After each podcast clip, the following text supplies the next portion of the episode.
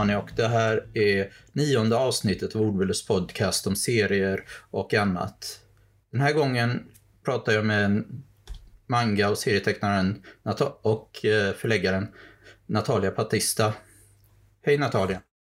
Hej hej! Uh, hej hej! Uh, kan du berätta lite mer om dig själv? Mm.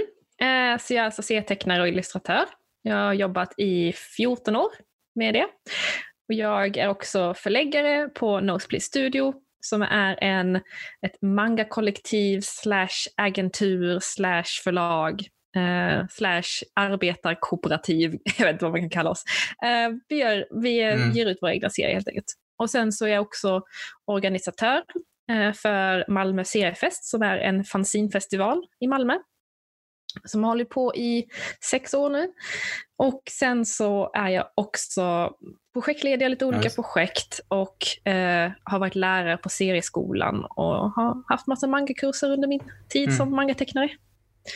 Hur gick det med typ eh, seriefestivalen i Malmö i år? Ja, Vad gjorde ni? det skulle ju varit i eh, april, början av april tror jag vi satte det. Eh, och mm. eh, det var ju precis i vågen där, där WHO bara, okej, okay, det här är en pandemi och vi bara, nej, då kan vi inte göra så mycket. Mm. Så vi fick avbryta den, eh, ställa in den. Vi ställde in ganska tidigt, eh, men där i samma veva så ställde även ehm, eh, Stockholms internationella seriefestival in ja. och många andra. Så det var ju, vi, det var ju en våg av... Mm. Ja, vi, det enda vi kunde göra var att säga okej, okay, vi, vi ställer in för att eh, det är inte säkert, men eh, vi, vi, allting, allting är som att vi satte på paus. Så alla som har bokat bord får ju mm. ha de borden nästa år. Så att allting sånt har vi ju bara, som tur så har vi väldigt lite kostnader. Uh, men det kan vi prata om sen, om, om ja, visst, Malmö Seriefest i sig. Mm. Ja, visst. Uh, jag tänkte, hur började ditt intresse för serier? Började du teckna väldigt tidigt? Jag slutade nog aldrig teckna faktiskt. Um, helt ärligt så, jag har liksom jag tror alltid det var teckning och berättande som var i mitt intresse mm. eh, som, som liten. Så att jag minns, jag har liksom projekt från första år på, på liksom grundskolan eh, när jag är sju år där jag Ja. och från dagis, då jag, liksom, jag ritade bilderna och så tvingade jag eh, dagisfröken diktera, eller jag dikterade och så fick dagisfröken skriva texterna. Liksom. Så mm. var det berättelser om, jag har en som heter, en återkommande figur var kudden som åkte på äventyr runt om i världen. Som var en kudde eh, med två var, ögon. Och som det var berättelser redan från början? Ja, då? Det var inte och det var karaktärer bilder. väldigt tidigt också. Mm. Det var karaktärer som liksom återkom. Kudden hade liksom, gjorde jag flera små böcker och berättelser om. Så det, var, det var ganska tidigt. Det var inte bara att berätta en historia utan att mm. även berätta om en karaktär. Eh, okay. Det var rätt kul.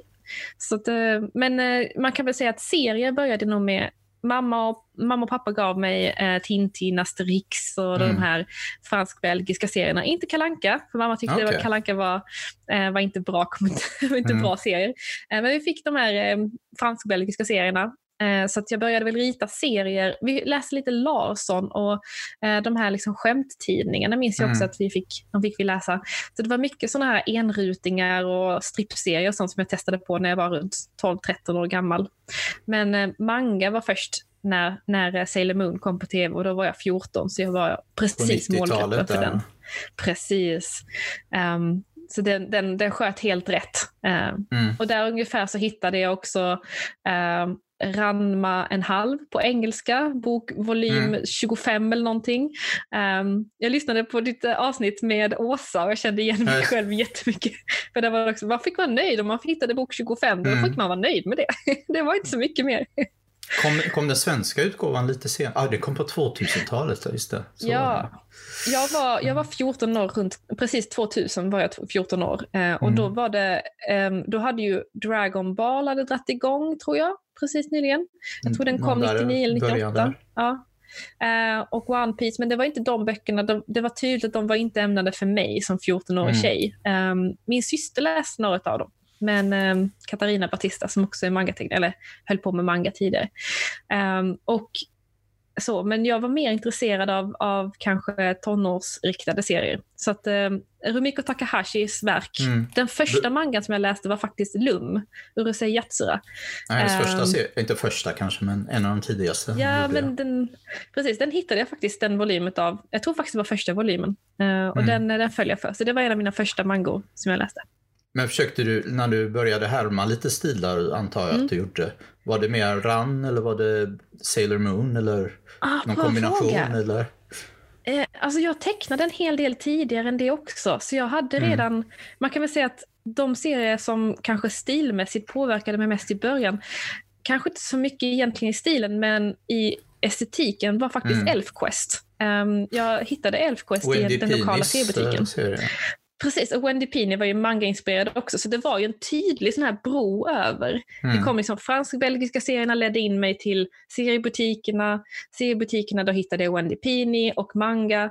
Och, och liksom den här övergången däremellan var ganska så eh, liksom, eh, liksom smooth. Liksom. Det fanns liksom inga, inga det var lätt att mm. gå vidare från en serie till nästa. Wendy Pini var tydligen ja. en av de tidigaste cosplayarna också har jag hört. Precis, hon tillhörde den här eh, konventskulturen. Hon och hennes mm. man tillhörde konventskulturen. I, så det var riktigt, och var, märkte man ju tydligt att det fanns, det fanns många influenser men det fanns också väldigt mycket fantasy och populärkultursinfluenser i hennes verk. Mm.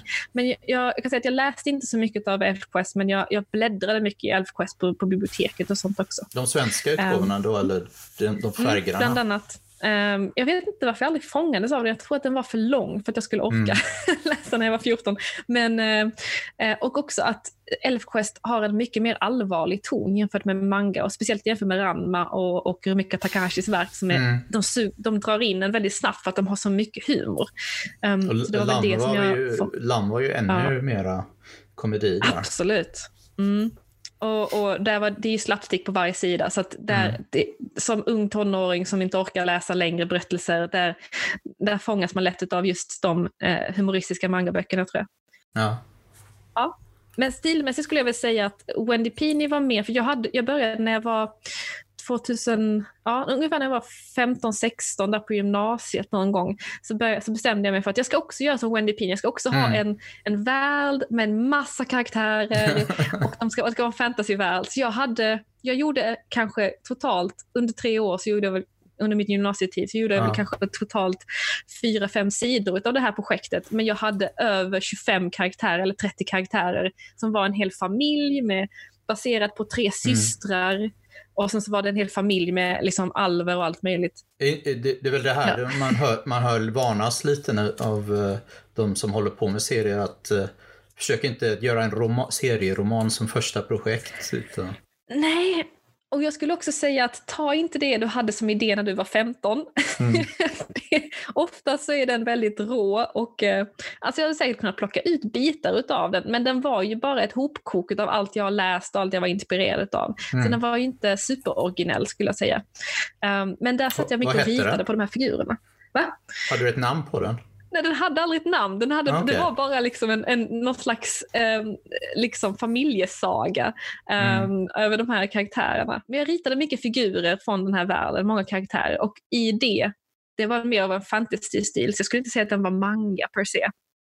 För den var mer inspirerad av fransk-belgiska albumserier. Mm. Um, i liksom, det var faktiskt uh, Louis Sells Peter Pan som fick mig att börja rita den serien. Ja, just uh, och han, där, har mycket, ja. ja. han har mycket med vuxen stil. Um, och då albums Jag skulle säga hans teckningsstil är ju rätt gullig på många sätt, men lite mm. mörk. Men... Det är sant, men också väldigt grov på många sätt och vis. Mm. liksom tuschning och färgläggning är mörk och dov. Den är inte så glad som manga är.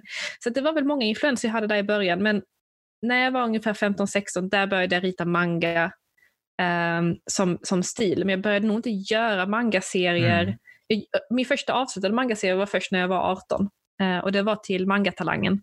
Ah, okay. Så det var Mangatalangen som fick mig att göra den. Mm. Den höll på i några år, för du, du, du blev, mm. du var, vann du eller nära att vinna? Jag, några jag kom med bland de tio topp top 10 ah, okay. um, utanför prispallen. Mm. Var det på den första gången du var med då? Eller? Det var båda gångerna. Det var en som, var, som startade 2005 och som mm. hade avslutning 2006. Och så var det en som var 2006 till 2007. Så det var Mangatlangen 2006 och Mangatlangen 2007. Och sen skulle det vara en som var 2008 som skulle avslutas 2009, men den la de ner. De mm. påstod att det var för att de fick för få bidrag, men vi, vi, vi som var med i tävlingen trodde att det var inte sant, för alla vi kände var med i tävlingen. Mm. liksom. Så att antal bidrag trodde, trodde vi inte var anledningen, det var nog troligtvis något annat. Uh, men Nej, den lades i alla fall ner. Mm.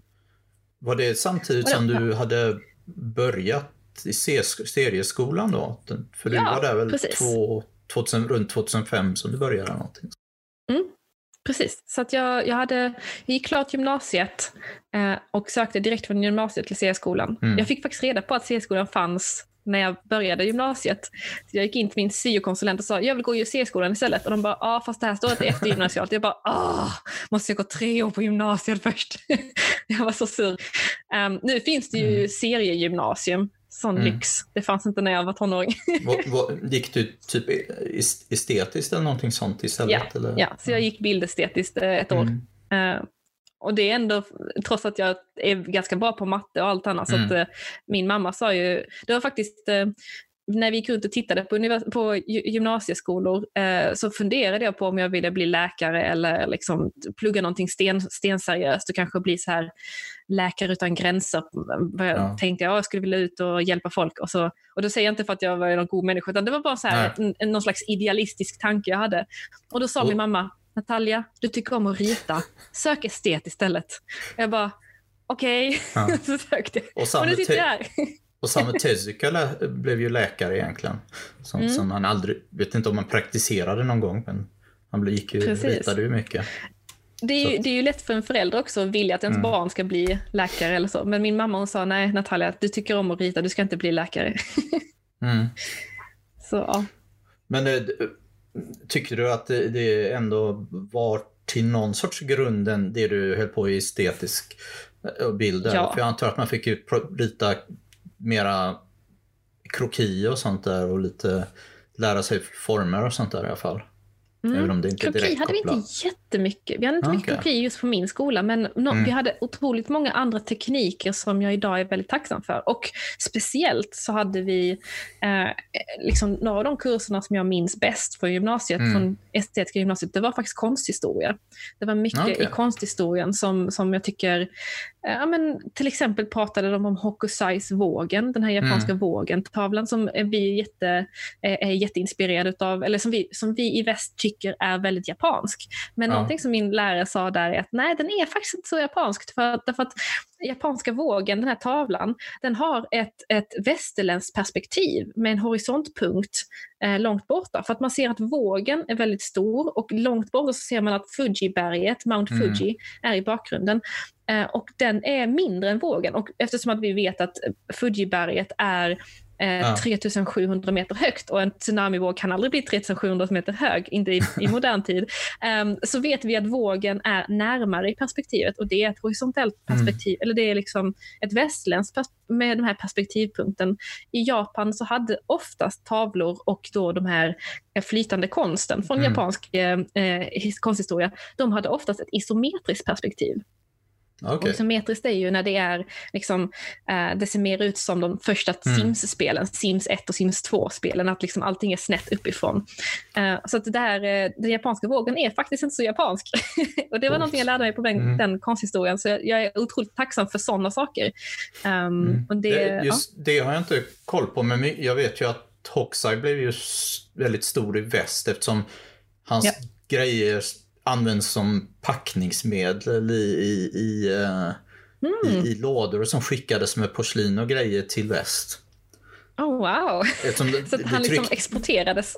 Ja, men många av de där äh, målningarna som 1800-talskonstnären mm. upptäckte var ju packgrejer som kom med porslin och sånt har jag för mig i, i packning och de ja. kollade, oj de här bilderna är ju häftiga. Mm. Men han var också väldigt inspirerad av västerländska konstnärer. Så, att, eh, mm. så att det, det, här utbytet, man pratar mycket om att Japan var ett väldigt slutet samhälle på 1800-talet, men det fanns, de här utbyten fanns liksom. Jo, jo det, um, det, det fanns ju, mm. det var många konstnärer säkert som, som mm. ville inspirerades av saker i väst. Och serietecknarna också, mangatecknarna mm. var ju väldigt inspirerade av saker i väst också. Så att, ja, det är lite kul för det är som att, ja, Ja, precis. Det är lite grann som att Japan har haft sin egen både serie och konstutveckling, men mm. som att den hela tiden har varit det har liksom hela tiden sipprat in eller liksom influerats av väst och vice versa. Så det har alltid funnits det här utbytet.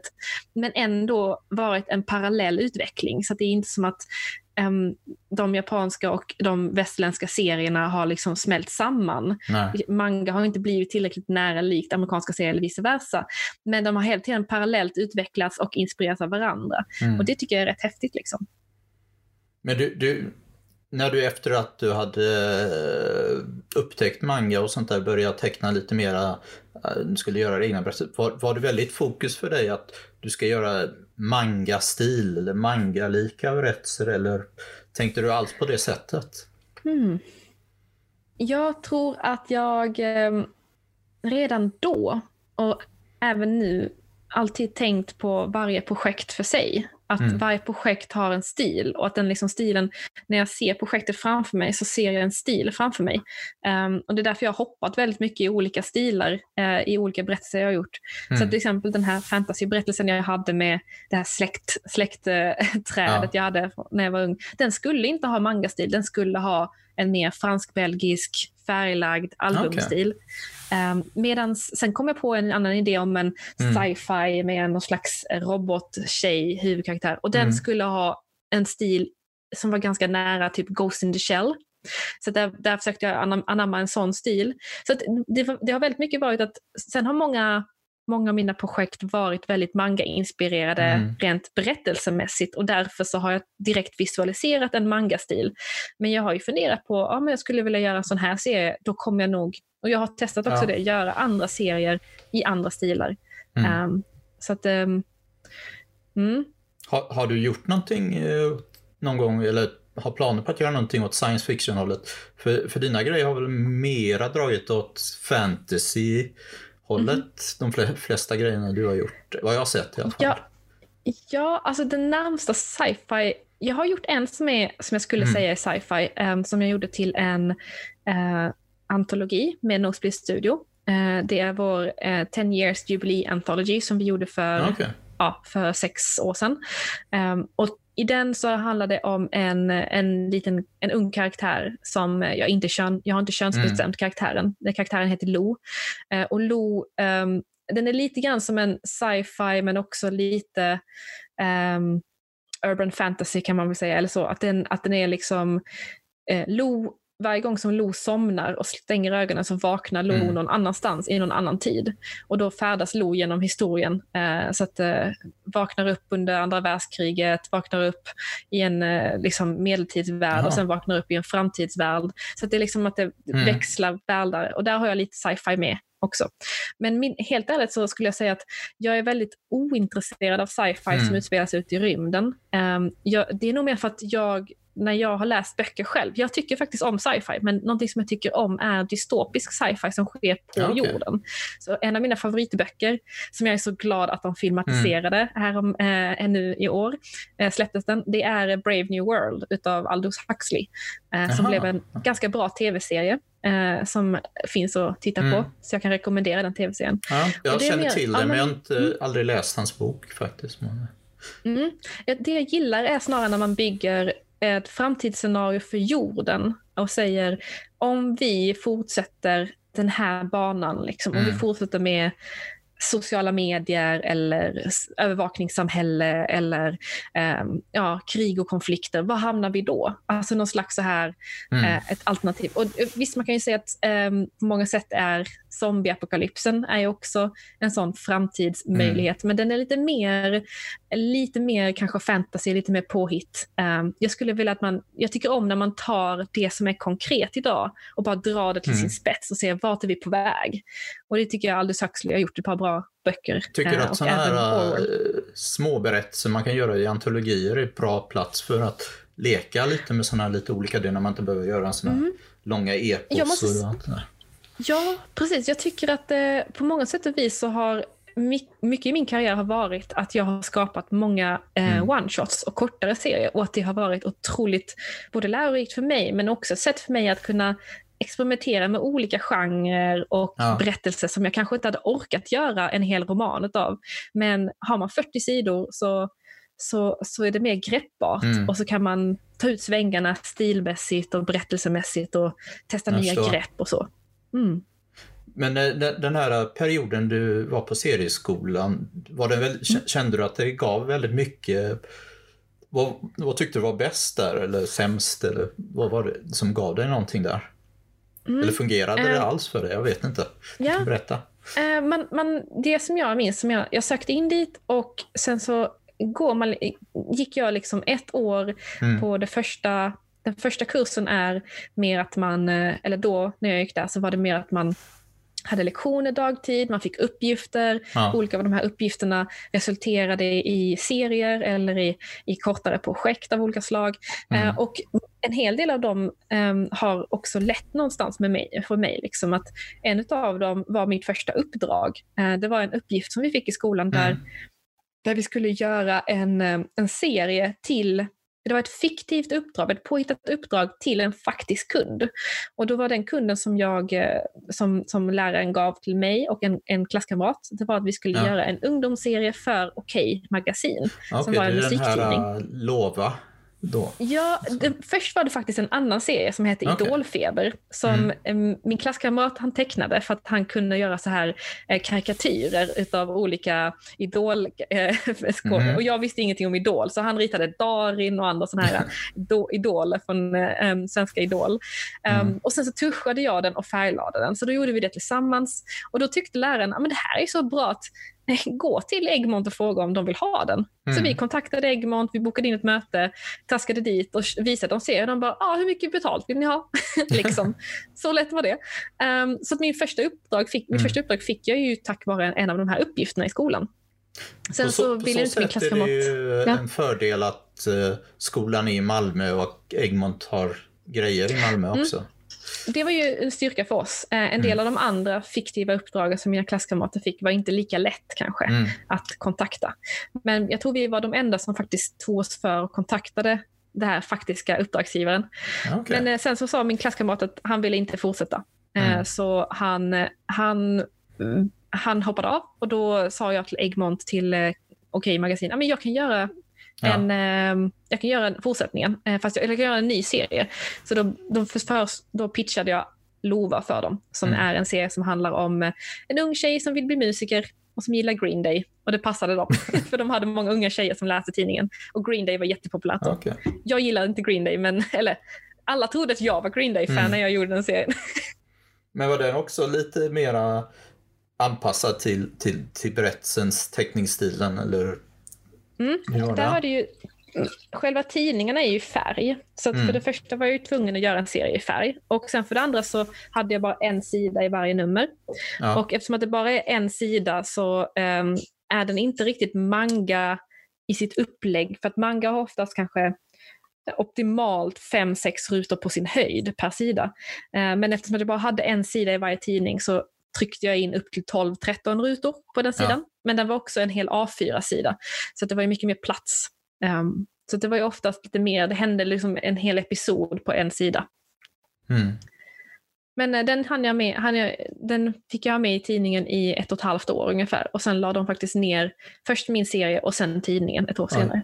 Hur, hur, hur var det då som eh, alldeles mitt i, i skolvärlden att konfronteras med att arbeta med en redaktör och, och tekniska problemen med Mm. att de vill att saker ska vara på ett visst sätt för att det ska fungera i tidningen och sånt där. Alltså helt ärligt så, just det kan vara för att Okej Magasin aldrig hade haft en serie tidigare, Mm. tidigare men den gav mig väldigt lite feedback. Ehm, Okej. så att jag, jag, jag bad ju dem om så här tips och förslag på vad jag skulle föra med, men de bara, nej men vi Mm. litar på dig, gör, gör vad du vill. Ibland fick jag, fick, fick jag lite fanmail från dem där de skrev, ja det här, det här har vi fått höra från folk. Liksom. Mm. Men ofta så var det väldigt lite. Jag skulle säga att det är till och med så att jag hade först en redaktör eh, som jag inte minns namnet på. Mm. Ehm, och när hon sen byttes ut mot en ny, den nya redaktören var ännu mer fåordig. Så han, ibland så svarade, när jag skickade så ah, här, kommer, här kommer nästa sida till Lova och hoppas att den blir bra. Ibland fick jag bara ett svar var tack, lite T, ingen punkt.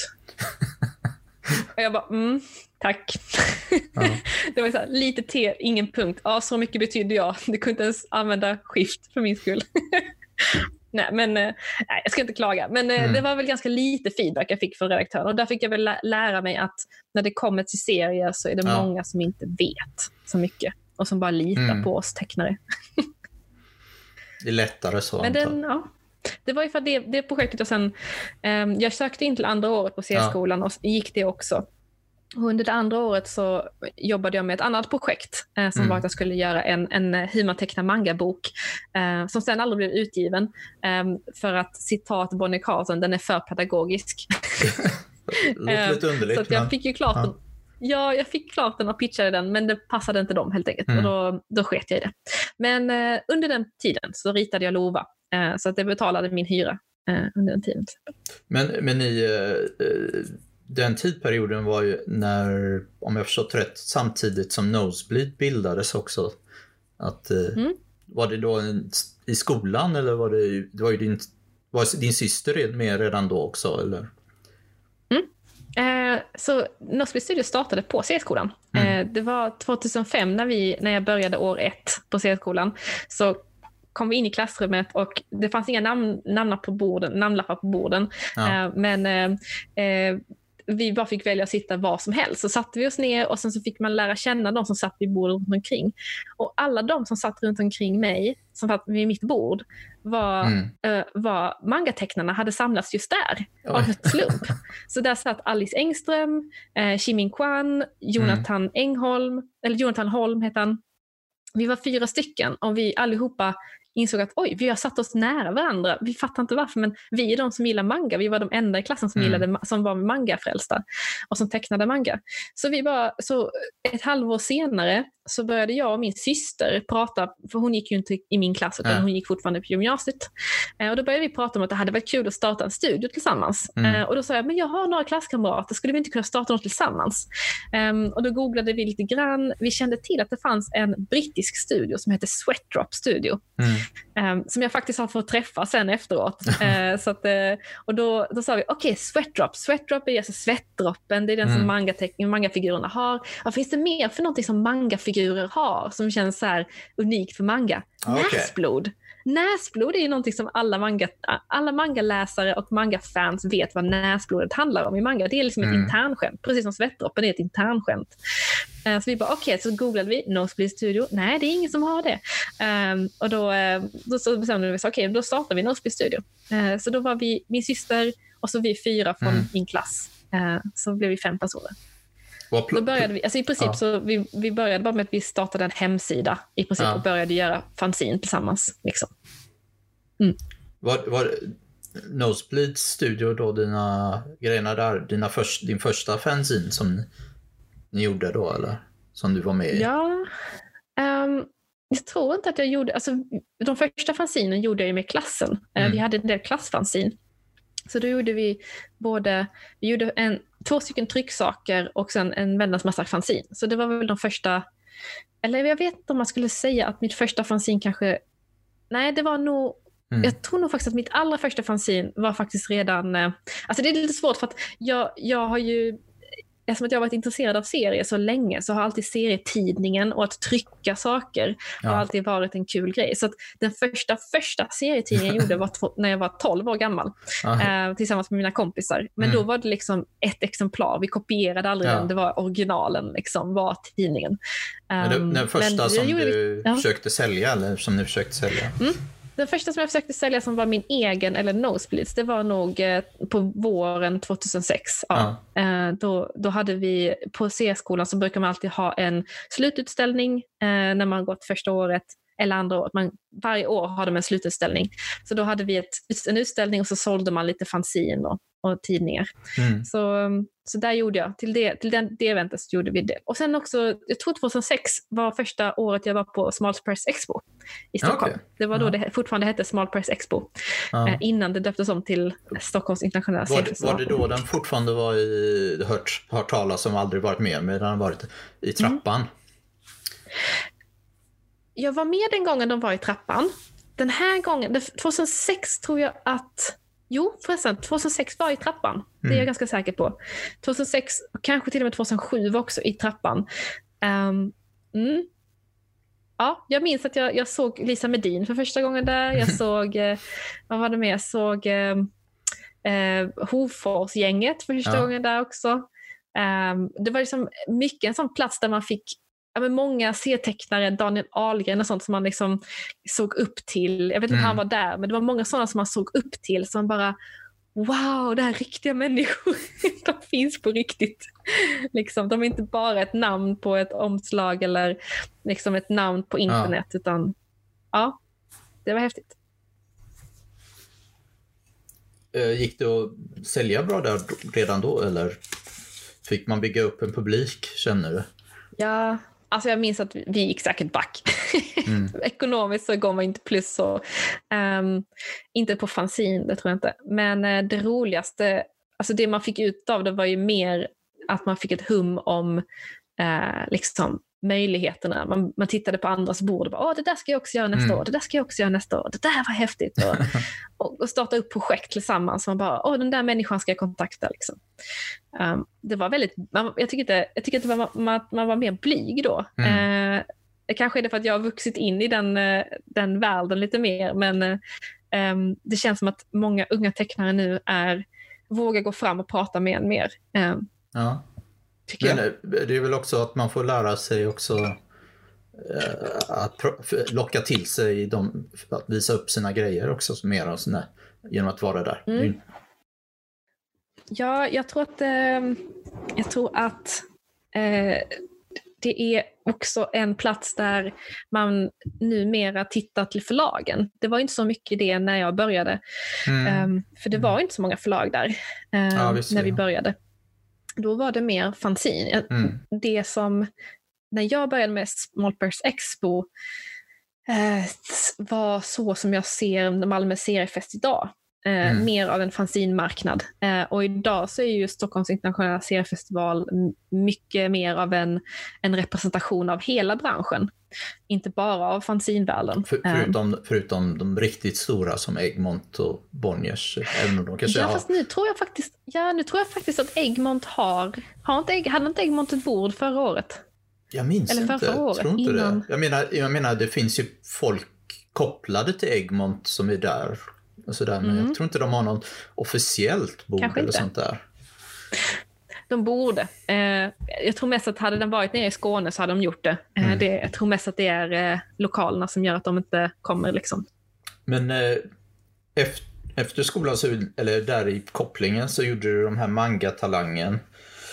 Och mm. Eh, det var ju vevan däromkring som mangaboomen körde igång Kände du att eh, det gav några ökade möjligheter för, för, för, dig, för dig? Ja, det fanns, det fanns mer prat om manga. Eller det var mer prat om manga. Så att det fanns ju Alltså man fick lite mer, det jag märkte mest av det var mm. ju att eh, jag började hålla mangakurser. Jag fick mitt första uppdrag som manga-workshopledare där på C-skolan. Därför mm. att skolan fick en förfrågan från någon bibliotek och de sa, ah, vem ska ta, ge det här till? Ja men Natalia är flitig och hon, Um, och hon pratar för sig. Liksom. Så mm. att, uh, henne kan vi ge det här. Så då gav de mig det jobbet. Och det jobbet ledde till ett nytt jobb, nytt jobb. Och det jag märkte var liksom att ja. um, ja, men att det var lätt att fixa sådana här uppdrag för det fanns alltid intresse. Och att mm. biblioteken såg det här intresset också. De såg att mangaböckerna lånades ut och att det var väldigt högt eh, liksom, tryck på det. Och de visste också att den gruppen som kom och lånade böcker i man mangaböcker, det var de här 8 till 12, de som de har svårt att få in. Därför att de, de har lätt att få in mm. småbarnen som kommer in med sina föräldrar och läser bilderböcker. De har lätt att få in de vuxna, för de lånar ju böcker av andra anledningar. Eh, och även unga vuxna för att de har studieanledningar att komma in på biblioteket. Ja. Men tonåringarna är alltid de svåraste, därför att där börjar bio och eh, fritidsgårdar och dataspel ja. konkurrera med biblioteken om uppmärksamheten. Um, för det är väldigt sällan en tonåring ja. går med sina föräldrar till ett bibliotek. Så någonting som det märktes var att biblioteken gillade att mm. manga lockade just den där gruppen som de hade omöjligt att få dit. Så att, eh, jag fick många uppdrag och till slut så började jag försörja mig på det. Så att, eh, de första fyra åren av min karriär försörjde mig eh, i alla fall till 50 procent som mangateckningslärare. Liksom. Okej. Så, ja. Det, men det, det var när du väl blev, eller väl, när du blev publicerad till slut, eller jag fick en, så var du väl utomlands första gången du fick en bok publicerad med uh, A Song Ja. for Elise. Men den, den om jag, som jag, var det inte det? Eh, Därför, men det, Det vad jag var- förstått så det började den, år. var det samma år? Mm. Men den Det var- började väl precis. eh, Mm. som en fanzine eller någonting sånt där, eller nätbit. Precis. Vad var det Så som... att, eh, eh, ja, det, det det var min, först gjorde jag det projektet eh, eh, direkt efter, C-skolan så Mm. sökte jag till, jag bestämde mig att okej, jag ska bli mangatecknare i Japan, då måste jag lära mig japanska. Så då sökte jag till universitetet i Lund och pluggade Okej. japanska ett år. Ehm, och under det året på japanskan så dels insåg jag att ett, jag är inte så bra på språk som Mm. jag trodde. Två, japanska är otroligt svårt och man Mm. har inte tid att rita samtidigt för det är så högt tempo på studierna. Eh, och nummer tre som jag upptäckte var att eh, jag slutade rita helt. Oj. och att jag förlorade väldigt mycket en passion för tecknandet. Så att Mm. efter ett halvår av att inte ha ritat någonting, alltså någonting konkret, liksom, kanske en skiss här och var, så ehm, bestämde jag mig att okej, jag, jag tror inte jag tycker det här är så kul. Jag bara försökte bara få allting godkänt på alla proven och istället satte jag mig och Mm. ritade istället för att plugga. Så att jag inte flunkade, men jag bara så gled igenom det sista halvåret av kursen och då började jag rita eh, A Song for Elise. Mm. Eh, och den, den satt jag, gjorde jag först fanzine och sen webbserie utav. Så gjorde jag ett, ett fanzine som var 60 sidor, la upp den på nätet och då Ja. fortsatte jag rita nästa fanzine. Liksom. Och sen gjorde jag nästa fanzine på 60 sidor, eh, la upp det också på nätet. Och sen det sista som skulle vara avslutningsdelen, också 60 Ja. sidor. Istället för att göra det som fanzine så tryckte jag en bok av alltihopa. Så 2009 gav jag ut den boken själv. Eh, och den skickade jag till Mm. Tyskland, till Tokipop i Tyskland. Hur kom, Ehm, hur kom det sig att du eh, valde just Tyskland? Eh, och, och Jag Mm. vet, Tokyopop är ju en stor förlag där också, men det fanns kanske andra möjligheter också. Hur, hur, hän- hur Ja. hände det? Jag hade faktiskt en tysk kompis som heter Mm. Dina Kubek. ehm, som, eh, hon är fortfarande kompis, men vi har hörts av väldigt sällan för hon bor, Mm. i, jag hon bor i Berlin nu. Ehm, och hon följde en hel del av de tyska mangatecknarna och berättade om dem och tipsade om dem. Och, för hon, hon läste mycket av de tyska Ja. mangaböckerna. Som hon, när hon besökte sin, sin familj där nere så köpte hon mangaböcker och tog med sig. Och då var det ju mangatecknare som var födda i Tyskland, som bodde i Tyskland. Mm. Så jag bara wow, kan man leva på det i Tyskland? Finns det, finns det möjlighet att bli utgiven? För det var det ju inte i Sverige. Det var liksom, Nej. Åsa hade inte ens blivit utgiven vid det laget. Det tror jag i alla fall inte. För jag tror inte Sayonara September kom ut förrän 2009. Möjligt, Ehm, det är då- någonting där. Ja, och då prat, nu pratar vi 2006-2007, Ja. liksom, så det var tidigt. Ehm, och eh, jag, eh, så jag pratade, så att Dina, Dina Kubek gav mig väldigt mycket och bland annat så sa hon att ah, Tokipop de håller på mycket med Mm. Boys Love, eh, som var då den här genren som A Song for Elise också var. Så jag fick lite tips av henne och dessutom hjälpte hon mig att översätta eh, brevet eh, Mm. som jag skulle skriva. Så jag skrev ett brev till, till Tokipop och sa hej, jag skulle vilja bli utgiven hos er, här är min bok. Boken är på engelska, ni får gärna läsa den. Eh, och sen fick jag ett mail från dem eh, Mm. i, på hösten 2009. Eh, så fick jag ett mail och det var jag hade fått refuseringsmail tidigare. För jag hade faktiskt, Mm. eh, där på våren 2009 så skickade jag också in pitchen för Miau, min kattserie då, Ja, eh, till, eh, till ett olika förlag. Mm. Eh, och så jag vet hur refuseringsbrev såg ut. För det, var, det är oftast en mening bara, nej vi är inte intresserade, typ så. Alltså så, typ artigt men det, det här passar inte oss. Liksom. Eller vi, vi, vi, det får inte plats i vår utgivning, Mm. Vi, typ så. vi kommer prata lite Ja. mer om Miao strax, men eh, började du så? För den, började du redan då med Miao? Därför den gav sig väl ut för några, några år senare? Eh, den, den gavs också ut 2010 på våren där. Ja. Ehm, Och så det här eh, var... det gjorde jag liksom, ja. ja, det var samma. 2010 var då den gav eh, eh, A Song for Elise gavs ut Mm. också. Men samtidigt Precis, för ungefär. alltså, for Elise kom ut 2009. Eh, så då hade jag jobbat med den under 2008, släppte boken på Mm. våren till Small Press Expo 2009, skickade den till Tyskland, fick svar från Tyskland på hösten och där under sommaren och sen då på våren också 2009 samtidigt som jag gav ut Mm. Small, eh, min liksom självutgivna bok av A Song for Release så gjorde jag också pitchen till Miao och skickade in den till förlag i Sverige. Så att jag, mm. jag hade liksom de två, jag visste att A Song for Release var redan avslutad så nu vill jag ha ett nytt projekt. Um, och så att på hösten där, dels så fick jag kontrakt för Miao. Um, Med Kabusa, för, eh, Kabusa. Kabusa böcker, precis.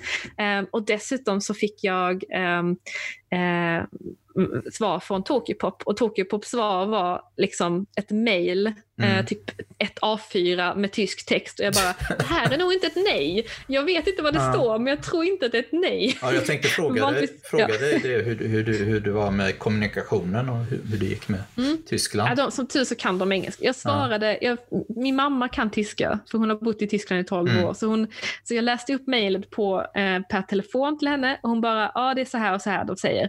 Och då svarade jag dem på engelska att ja, jag kan ju inte tyska mm. så bra men jag har läst ert mejl och jag är intresserad av att träffas.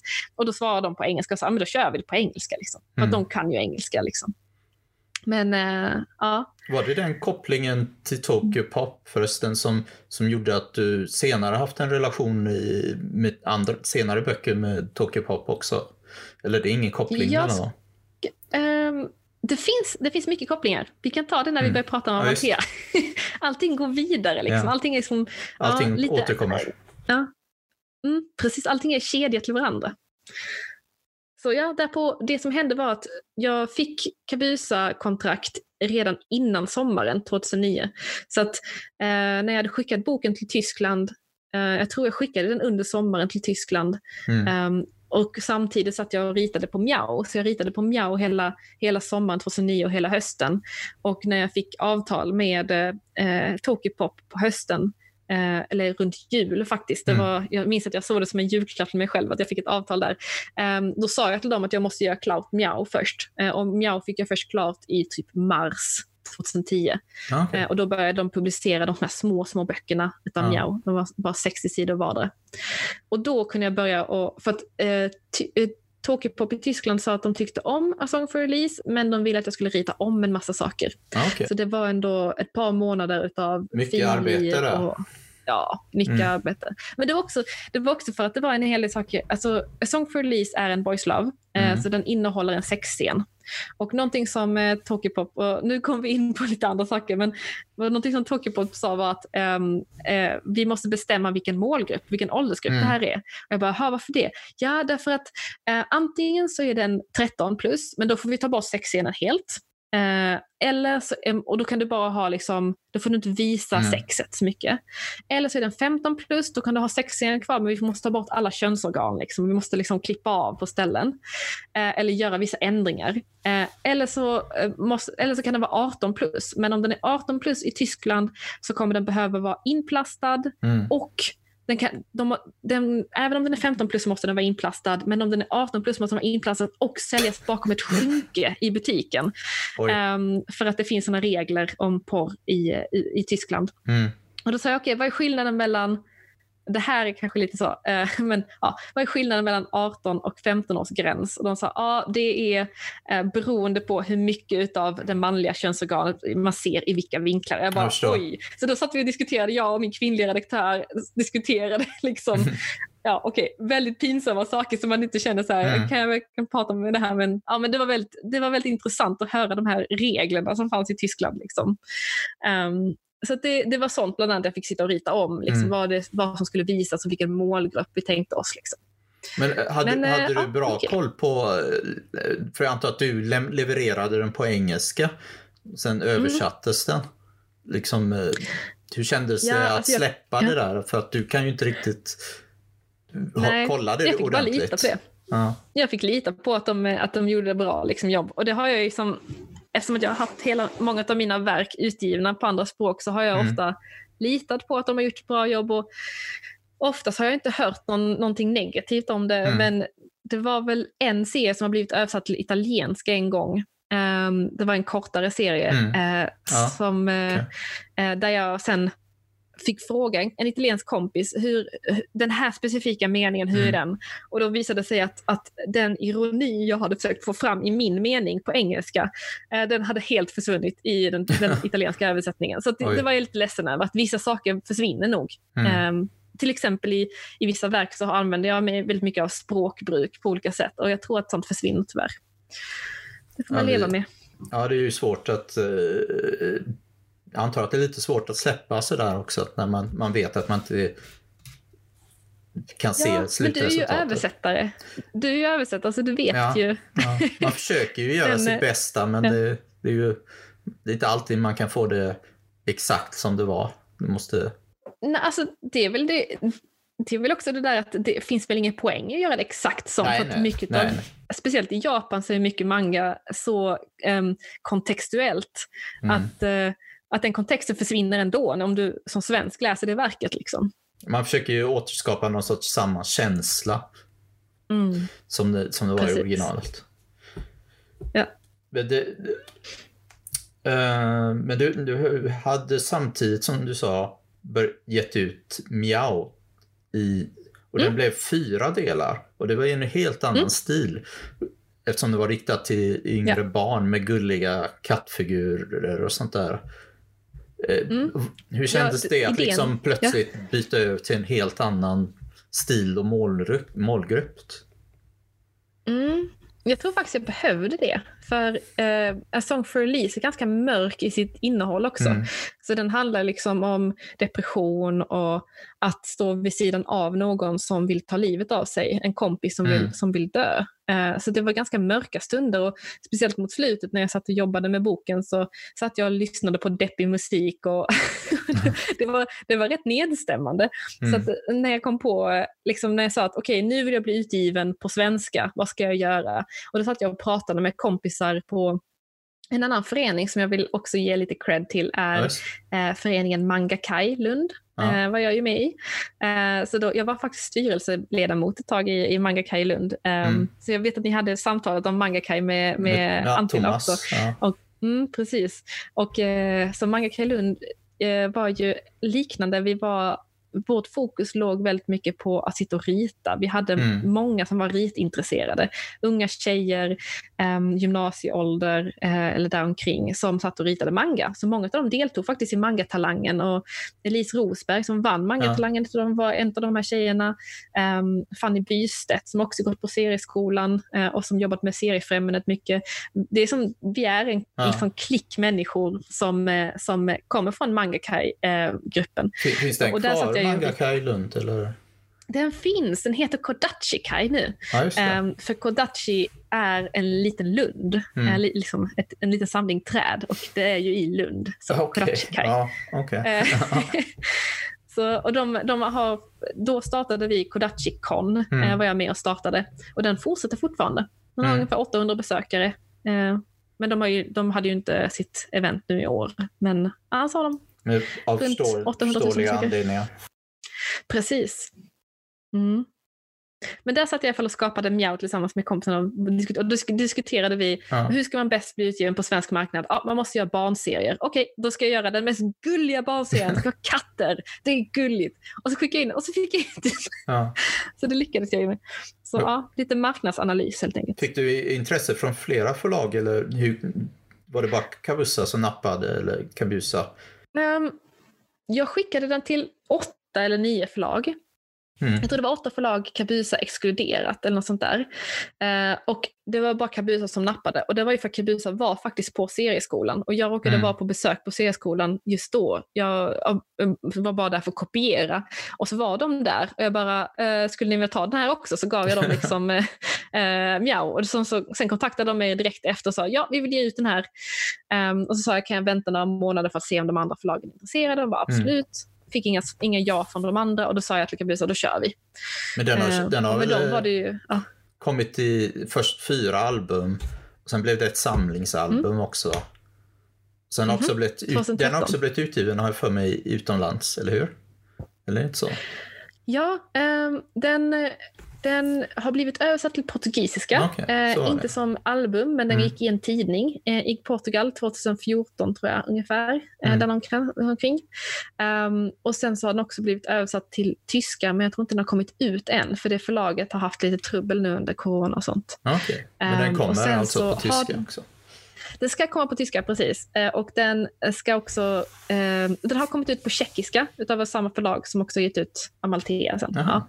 Eh, mm. Och den har också blivit översatt till engelska, men det förlaget, ja, det var en snubbe som tog sig vatten över huvudet lite grann. Mm. Så det blev ingenting med det förlaget.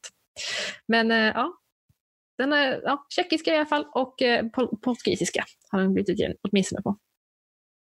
Ändrade du någonting eller blev det någon ändring mellan när den var i delar och när den blev eh, ett album? I, när den gavs Nej, ut i Sverige? Ja, jag tror inte jag ändrade någonting för att um, serien i sig är ganska så, den är väldigt enkelt ritad och den är väldigt så, kan väl säga, opretentiös i sin mm. berättelse och i sin, liksom, sitt innehåll. Så att jag kände aldrig något behov av att fixa till saker eller göra det snyggare, utan jag kände att Miao skulle vara väldigt, eh, alltså verkligen inte ha så höga ambitioner för att det skulle vara lätt för mig att producera mm. den. Eh, och det har också, tror jag, varit en, en, en, nyckel till varför den har blivit så, så populär, är för att den har sett så enkel så att jag har sett mm. många barn som har kopierat ur böckerna och ritat av dem. Um, alltså verkligen fem, sexåringar ja. som har ritat av mina figurer. Och jag tror att det lockar, att det är liksom enkla tydliga linjer, det är en enkel form um, och det är inget avancerat. Mm. Liksom. Inte, jag tror att det är, nu är det manga, en, en av anledningarna att det var många som började teckna, det mm. är ju också att det att i alla fall in, kanske inte bakgrunderna så, men figurerna är ofta relativt enkla, te, enkelt te, tecknade. Jag tror också det. Jag tror att det är, det är någonting i både uttrycksfullheten och den väldigt stilistiska, den väldigt ikoniska stilen mm. som är väldigt, det finns ju inte en manga-stil men många av de stilarna utav de kanske mest barnvänliga serierna är otroligt ikoniska och enkla ja. i, sin, i sin, liksom, sitt upplägg. Mm. Ja, vi får hoppas att eh, det blir många svenska tecknare som blir påverkade, eller många barn som blir påverkade mm. Miao börjar teckna. Ja, alltså det märkte jag ju på mina kurser. Mm. När jag gav ut, eh, jag började som sagt hålla mangakurser 2006, höll jag min första. Och jag fick ett riktigt uppsving efter att Miao eh, kom ut. Då fick jag ännu mer jobb. Eh, så det, mm. det var, um, Även om det är många som, som tror att de kan överleva mm. på att hålla kurser och lektioner så tror jag att gör man barnserier eller barnböcker och samtidigt håller kurser, där kan man inte bli rik mm. kanske, men man kan överleva ganska gott på den kombinationen. Ja. För att eh, barnen vill rita tillsammans med den de läser böckerna av. Har, har du förresten eh, lyckats, eller har du sökt eh, kulturstöd för, för utbildning. För just, tydligen så lätt, har jag hört att det är lite lättare för de här, om man har workshops att få lite stöd för, för de som har missat och det. Av, eh, tänker du kulturstipendier eller vad tänker du? Nej, jag, jag tänkte på coronakulturstödet för, för uteblivna mm. workshops och sånt där. Tydligen så fick Thomas det. Inga... Också, att, eh, Ja, eh, jag hade ju inte så, hade inte någonting bokat som blev avbokat ah, okay. för jag har inte haft så mycket mm. kurser mm. de senaste två åren så har jag slutat hålla kurser. Um, och det är mycket därför att jag känner att jag har lagt det bakom mig. Jag har gjort mm. väldigt mycket kurser. Jag har som sagt mellan 2006 till 2018 skulle jag säga att jag mm. gjorde, alltså jag har säkert haft över hundra Om man, ska ta in, om, man ska ta un, om man ska ta in alla Skapande skola, för att ja. Eh, om man har Skapande skola-projekt dessutom så har du ju inte en klass utan du kanske har 15 klasser på, eh, eller lektioner på en skola. Mm. Så att jag skulle säga att jag säkerligen har haft över 300 lektioner under de där åren. Um, och till slut så, det jag märkte mot slutet var att varje ny lektion gav mig lite ångest för att det var massa nya ansikten, mm. speciellt när det var på sådana här skolor. Då, var det, då träffade du på ett par dagar träffade du 300-400 människor. Eh, och det är mycket ansikten att komma ihåg och det är mycket människor att relatera till. Så jag, blev jag kände att jag blev lite stressad och ville hellre jobba med mina serier. Så ja. att, eh, jag har haft turen att komma till punkten där jag kan känna att jag kan säga nej till jobb. Ja. Um, ja. Det, ja, det är en lyx. uh, Jag såg att du också hade i... Runt där gav ut en serie i, i Shoujo Stars. Blev det bara en serie då eller? I, i den där manga-antologin som tidningen? Valborg. Mm, precis. I, shonen, i Show Your Stars. Show Your Stars. Mm, 2009 var den. Mm, och Det var en serie som jag gjorde, jag tror jag gjorde den på serie, nej, jag gjorde den efter serieskolan. Mm. Um, och sen så skickade jag in den till, då var ju Show Your Stars var ju igång. Um, den hade de startade nog Sure Stars där runt manga, mangatalangen eller strax därefter. Så en del av mangatalangen-tecknarna fick teckna serier i Sure Stars. Inte hela serien utan mm. bara en sida. De hade den här månadsserien liksom. Så att jag gjorde maj månadsserie gjorde jag 2009 också tror jag. Eller 2008. Sure eh, Stars och, var ju mm. riktad eh, mera till ja, tjejserier ja. eller vad man ska säga. Som, försökte du göra en serie i den genren då eller du bara gjorde din grej? Eh, jag ville göra serier eh, till showpubliken, mm. showpublik. Eh, jag tror att på många sätt och vis så har den varit en publik som, jag tror att mycket av de serier jag gör, gör jag, min teori är att man skapar serier till den den där läsaren man själv var när man älskade serier som mest, alltså när man liksom blev passionerat ja, ja. kär i serieformen. Så att jag mm. märker att jag själv det är i alla fall en teori jag har att många tecknare gör det. Och att jag blev ju kär i serier när jag var 14-15. Då blev jag kär i manga. Jag hade läst serier tidigare men jag hade mm. aldrig blivit så liksom, passionerat inne i serier som när jag började läsa manga. Um, yes. Och det var ju när jag var 14-15 så på något sätt har fortfarande den här 14-15-åriga Natalia, det är min målgrupp. Ja. Uh, och det där var därför som när jag, när jag gjorde den serien Valborg, då var det då tänkte jag, okej okay, det här är någonting som en ung tjej ska vilja läsa. Ja. Uh, för det är den målgruppen jag har. Så Valborg gjorde jag till, uh, det var egentligen bara för att jag tyckte att det var synd att Show You Stars existerade och att vi inte, jag visste att det fanns många duktiga mangatecknare ja. i Sverige. Jag hade både kontakt där via eh, Manga Kai Lund så visste jag att det fanns massa duktiga tecknare. Eh, jag hade sett manga, eh, eh vad det, Mangatalangens producent, de som producerade serier där, superduktiga tecknare och ändå var ingen av oss utgivna. Mm. Jo, Åsa hade blivit utgiven och eh, eh vad det, eh, Jesper Nordqvist hade blivit utgiven. Ut... Tanks, där ja, just det. Eh, det var inte så mycket annat som, ja, på eh, Opal förlag. Mm. Eh, men det var liksom ingen annan som hade blivit utgiven i, i, på Bonnie Carlson och det var jättekonstigt vis. Så jag skickade in Valborg dit och ja. fick faktiskt ett svar. För jag frågade dem, skulle vi inte kunna göra en längre serie? De bara, vi kan ge ut den här, vi kan publicera den här för den är 14 sidor tror jag mm. den var. Um, eller 13 sidor. Men de sa, tyvärr kan vi inte göra mer därför att japanerna säger att vi får inte ha en svensk tecknare i tidningen för det skulle mm. konkurrera med deras serier. Så de hade tydligen krav på sig att inte bygga upp en svensk serietecknar, eh, ett stall med svenska serietecknare. I den tidningen i alla fall. I alla fall inte den tidningen. Eh, exakt. Och jag gissar att de hade liknande krav på sig på de andra tidningarna. Att Gav, det, fanns, det fanns vissa ja. kriterier. Gavs Valborg eh, som en, hela serien i en då eller delades det upp? Ja, den, den var bara 13 sidor långt. Ja. Det var bara en one shot. Um, så den hade jag med där. Men jag hade med mig den sen. Jag lät översätta den. Um, för det var 2009 där, så 2010 så började jag, min syster och, och Fanny Bystedt, eh, som vi var kompisar, mm. eh, vi tre, vi sa vi vill till Japan, vi ska åka till Japan. Så då passade jag på att översätta eh, Valborg till japanska tillsammans med några vänner som hjälpte mig. Och sen så eh, när vi planerade resan till Japan så skickade jag Miao, första boken, mm. hade kommit ut då. Eh, så jag skickade den i kuvert till lite olika förlag i Japan och sa hej. Och så skrev jag också ihop ett brev, för då hade jag ju pluggat japanska, så tillsammans med lite vänner så formulerade vi ett brev så artigt som möjligt. Um, och så skickade jag den här till olika förlag. Hade du inte, jag minns att du pratade ja. någon gång om uh, att du hade, att, uh, var det din sjöjungfruserie eller någonting som du skickade, skickade mm. var den till, skickades den till en tävling eller någonting också? Precis. Eller var det separat? Eller? Och det var, det var genom det här. Det var mm. genom att jag skickade Miao på våren 2010 till lite olika förlag. Jag, fick, jag skickade till åtta förlag, fick svar från fyra av dem via mail där två av dem sa det här är inte vår grej, mm. vi ger inte ut sånt här. Um, ett av dem sa faktiskt det här är Moe-serie, det ska du skicka till Seinen-tidningar. Och jag bara, alltså den räknas som barnserie i Sverige, men okej. Okay. så att uh, de tyckte att den skulle läsas i en, vara en Seinen-tidning.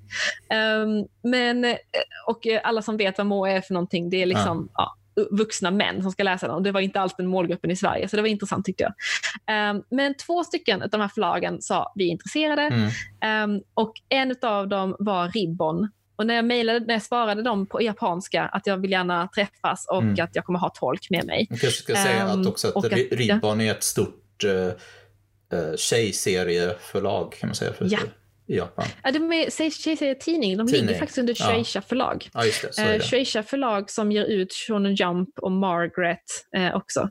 Eh, som är, Ribbon är väl den tillsammans med Nakayoshi de två största shoujo-manga-tidningarna mm. i Japan.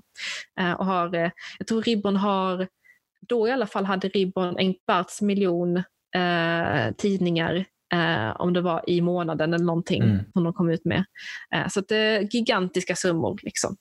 Um, men, och, men ni åkte eh, dit och, och ni åkte dit mm. fysiskt mm. också antar jag? Ja, precis. Så jag bokade in ett möte med Ribbon för de mm. svarade och sa ja, vi har, för de hade, det som var att de hade en, eh, en av sina redaktörer mm. eh, som eh, redaktör Y, tänker jag kalla henne för att jag ska inte avslöja hennes namn. Men, eh, henne, hon höll på att plugga engelska. Hon hade till och med gått lite svenska kurs också. Mm. Så när vi kom dit på besök på mötet så inledde hon med att säga hur mår ni?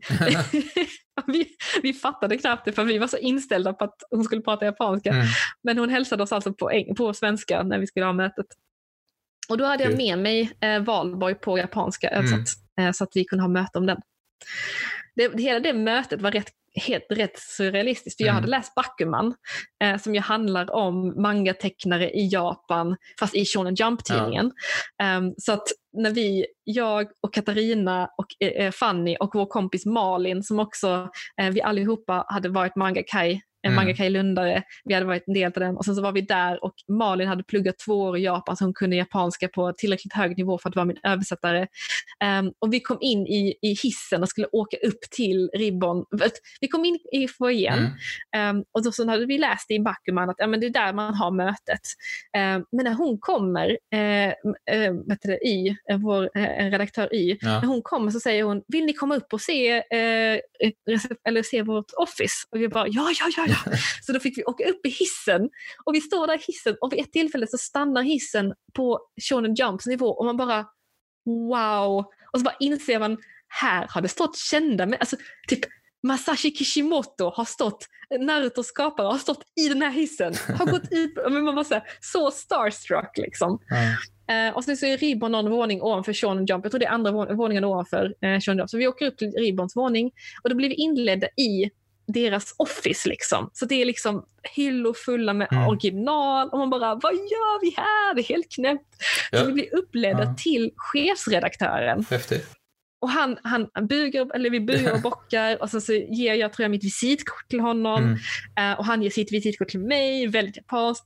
Och sen så tar han, öppnar han en byrålåda och så tar han fram ett sånt här brunt kuvert och så tar han fram originalbilder från en av deras mest kända serier mm. i, i uh, Ribbon just då och ger över det till mig och så får jag hålla i de här och jag bara oh moshiroi, oh i des ne. Och så får jag så här vända sidan och bara åh, oh, mm. sugoi des. Så bara och så lämnar jag över dem och så, ah, tack så jättemycket, jättefint, ah, så, så vackert och häftigt. Så. Och så, så lägger jag, jag över till honom. Och, och, eh, och sen så blir vi inledda i ett av deras konferensrum och därför vi har mötet. Mm. Och jag bara, varför gör de det här med oss? Det här är ju så konstigt. Sen efteråt, jag fick aldrig svar på varför. Vi har ett möte där ja. inne och sånt också. Och till slut så säger hon, jag kan bli din redaktör. Mm. Eh, du kan bli vår första svenska mangatecknare i Ribbon, jag vill att du blir det och jag kan bli din redaktör. Och jag bara, varför fick vi sån, sån kunglig behandling? Det var jättekonstigt. Mm. Och sen inser jag att hmm, jag skickade Miao och Miao har ett ISBN-nummer på sin bok. Det vill säga jag skickade en tryckt bok med ett ISBN-nummer till Japan. Mm. Jag tror att sånt betyder väldigt mycket för japanerna. Jag tror att det gav japanerna eh, en, en liksom, eh, att de kanske trodde att jag var väldigt viktig. att, jag, att de inte ville bränna några broar. Så att de behandlade mig, mig och mina... Och så, så mm. sa jag dessutom att jag hade mina assistenter med mig, så jag kallade Katarina och Fanny för mina assistenter. Så jag tror att de såg mig som någon slags mangaka-sensei som de behöver... Svensk manga-sensei som kommer. Verkligen, så det var verkligen så här, väldigt mycket um, sån här um, ja, royalistisk behandling av mig. Så det, det var riktigt häftigt. Ja, jag har inte varit sen i, i Mm. eh, Shueisha. Jag har, jag har varit i Kodansha och Shogakans byggnader men jag såg inte mycket Mhm. av manga-delarna utan bara fick eh, konferens uppe i deras byggnader sånt där pratade och diskuterade ja. saker. Så det, det, det Ja, låter alltså, som du hade mycket har man- eh, finare upplevelser. Jag vet inte om det var finare, men det var mycket mer Alltså det som man ser i Bakuman, i Mm. både mangan och i animen, att det är liksom, rummet är liksom massa, massa eh, liksom, eh, arbetsplatser och varje arbetsplats Mm. har liksom hyllor runt omkring sig fulla med de här bruna kuverten. Det var precis så. Det var högar av såna här bruna kuvert och mangatidningar överallt. Det var så stökigt det där inne. Men det var också så häftigt. Man liksom, vi blev inledda och så var det två stycken tajta små bokhyll- bokhyllor med, Mm. med liksom högar med de här bruna kuverten på. Så gick man där mellan dem och bara wow liksom. Ja, Japan, Bara- Japan har varit relativt sen på att digitalisera och sånt där så att det är mycket Mhm. fortfarande som är papper. Och jag misstänker att Ja. i många delar är fortfarande pappret den stora grejen. Ja. Och jag tror till och med, nu jag ska jag inte, inte påstå någonting jag inte har fakta för, men jag är ganska säker på att mangaförlagen behåller mycket av de här originalen. I alla fall förr brukade mangaförlagen ha rätt till att behålla många av originalen. Jag tror Jag att nu inte. behåller nog tecknaren. Det Mm. det är möjligt, men jag, jag så, har läst eller sett någon grej om att, eh, jag tror jag har berättat det också i någon annan tidigare podcast, Mm. Att eh, förr i tiden i Japan var det så att originalet betydde innehöll tryckrättigheten också. Och därför ville, eh, vad heter det, tecknaren behålla dem egentligen. Så att de ville ha tillbaka Mm. dem så fort som möjligt. För att eh, hade om- förlagen ja. kvar dem så kunde de bara trycka om som de ville. Jag tror att eh, jag tror att det finns också en aspekt till och det kan vara att japanska förlag, de avtal man skriver Mm. där i Japan, eh, vad jag har förstått så innehåller de mycket copyright, alltså mycket copyright skrivs över till förlaget. Alltså att du som eh, serieskapare, därför att de anser att, för, att förläggarna och redaktörerna har sån viktig roll i processen av att skapa serien. Mm. De påverkar innehållet väldigt mycket och har man läst eller sett Bakuman så vet man det att redaktörerna kan i princip helt styra om en series innehåll Mm. eh, och i princip skriva serien med tecknaren eh, på många sätt. Så att ehm, de, de copyright-rättigheterna brukar ofta, alltså upphovsrättigheterna ligger lika delar hos förlaget, eller till viss del Mm. hos förlaget. Och det är därför som tecknaren inte kan sälja förlag, sina original på samma sätt, för att du har inte 100% copyright till ditt original. Mm. Sen tror, Ehm, sen tror jag mina- att, eh, ja. att Jumps grejer är lite speciella hur de hanterar allting. Mm. Att det, man inte ska se det som någon sorts eh, för alla förlag och Nej, alla, nej. alla sorts utgivning. De är lite extra speciella tror jag just eh, med deras... Och sen är det ju eh, också, sen är det också olika beroende på vilken nivå man är som tecknare. Ja, eh, det, det finns lite så här grandfather rule, eller eh, farfarsregeln. Som till exempel One Piece har grandfather rule. Där eh, One Piece har på många sätt och vis eh, sjunkit i popularitet, men den blir aldrig bortplockad från tidningen. Eh, för, att den, för att den har hållit på så länge att han har blivit liksom eh, farfars ins, inlagd. Liksom. Han har, han har liksom ett sånt Mm. inlägg där, han, där Asian Ja. Ward alltid får vara med. Det är Liksom. ju lite annorlunda Mm. diskussion men det- man får lite känslan av att eh, Jump har lite problem just nu därför de har inte lika många stora skapare och stora Mm. serier längre. Absolut. Eh, vi kan prata om Shonen Jump också. Eh, jag, håller faktiskt, ja, vi har, jag har faktiskt just nu Mm. börjat djupdyka lite mer i det. För att eh, eh, nu i år så hade Shonen Jump sitt hundrade Tezuka Award-event. Eh, som eh, Ja, du, du, varje år har de ja. två stycken. Mm. du, du mm, såg någonting på Twitter att du hade skickat någon serie till Tezuka-tävlingen också. Precis. För att eftersom att de hade sitt hundrade event ehm, så eh, bestämde de sig för att ha en ehm, Overseas Department Mm. Special Award. Eh, så det innebar att de gav folk eh, rätt som inte är japaner att skicka in också på engelska Aha, eller okej. spanska, koreanska, Mm. kinesiska kunde man skicka in på. Och då skickade jag in en serie dit. Eh, och då börjat djupdyka mer i vad, vad är Shonen grejer. Och då, jag har också blivit lite kompis med många av de internationella tecknare Mm. som deltog i den här eh, Tezuka Award ehm, på engelska.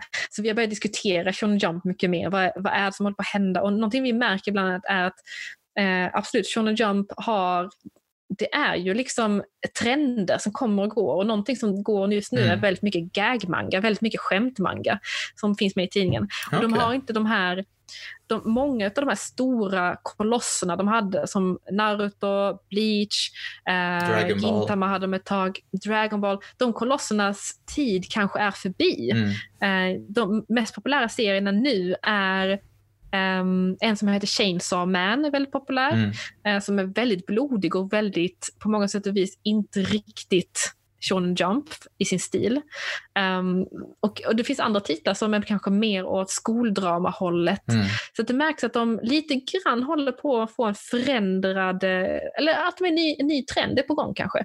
Så det, det är väldigt spännande tycker jag, för att Japan sätter ju vad som mm. händer i Shonen Jumps, deras redaktionella möten sätter ju liksom ringar på vattnet över hela, hela världens mangautgivning. Därför att de är så stora. Apropå eh, tävlingar har jag för mig när du berättade flera år sedan för att eh, om det här mötet du hade i Japan eller kanske var en annan mm. tillfälle när du skickade in den här sjöjungfru.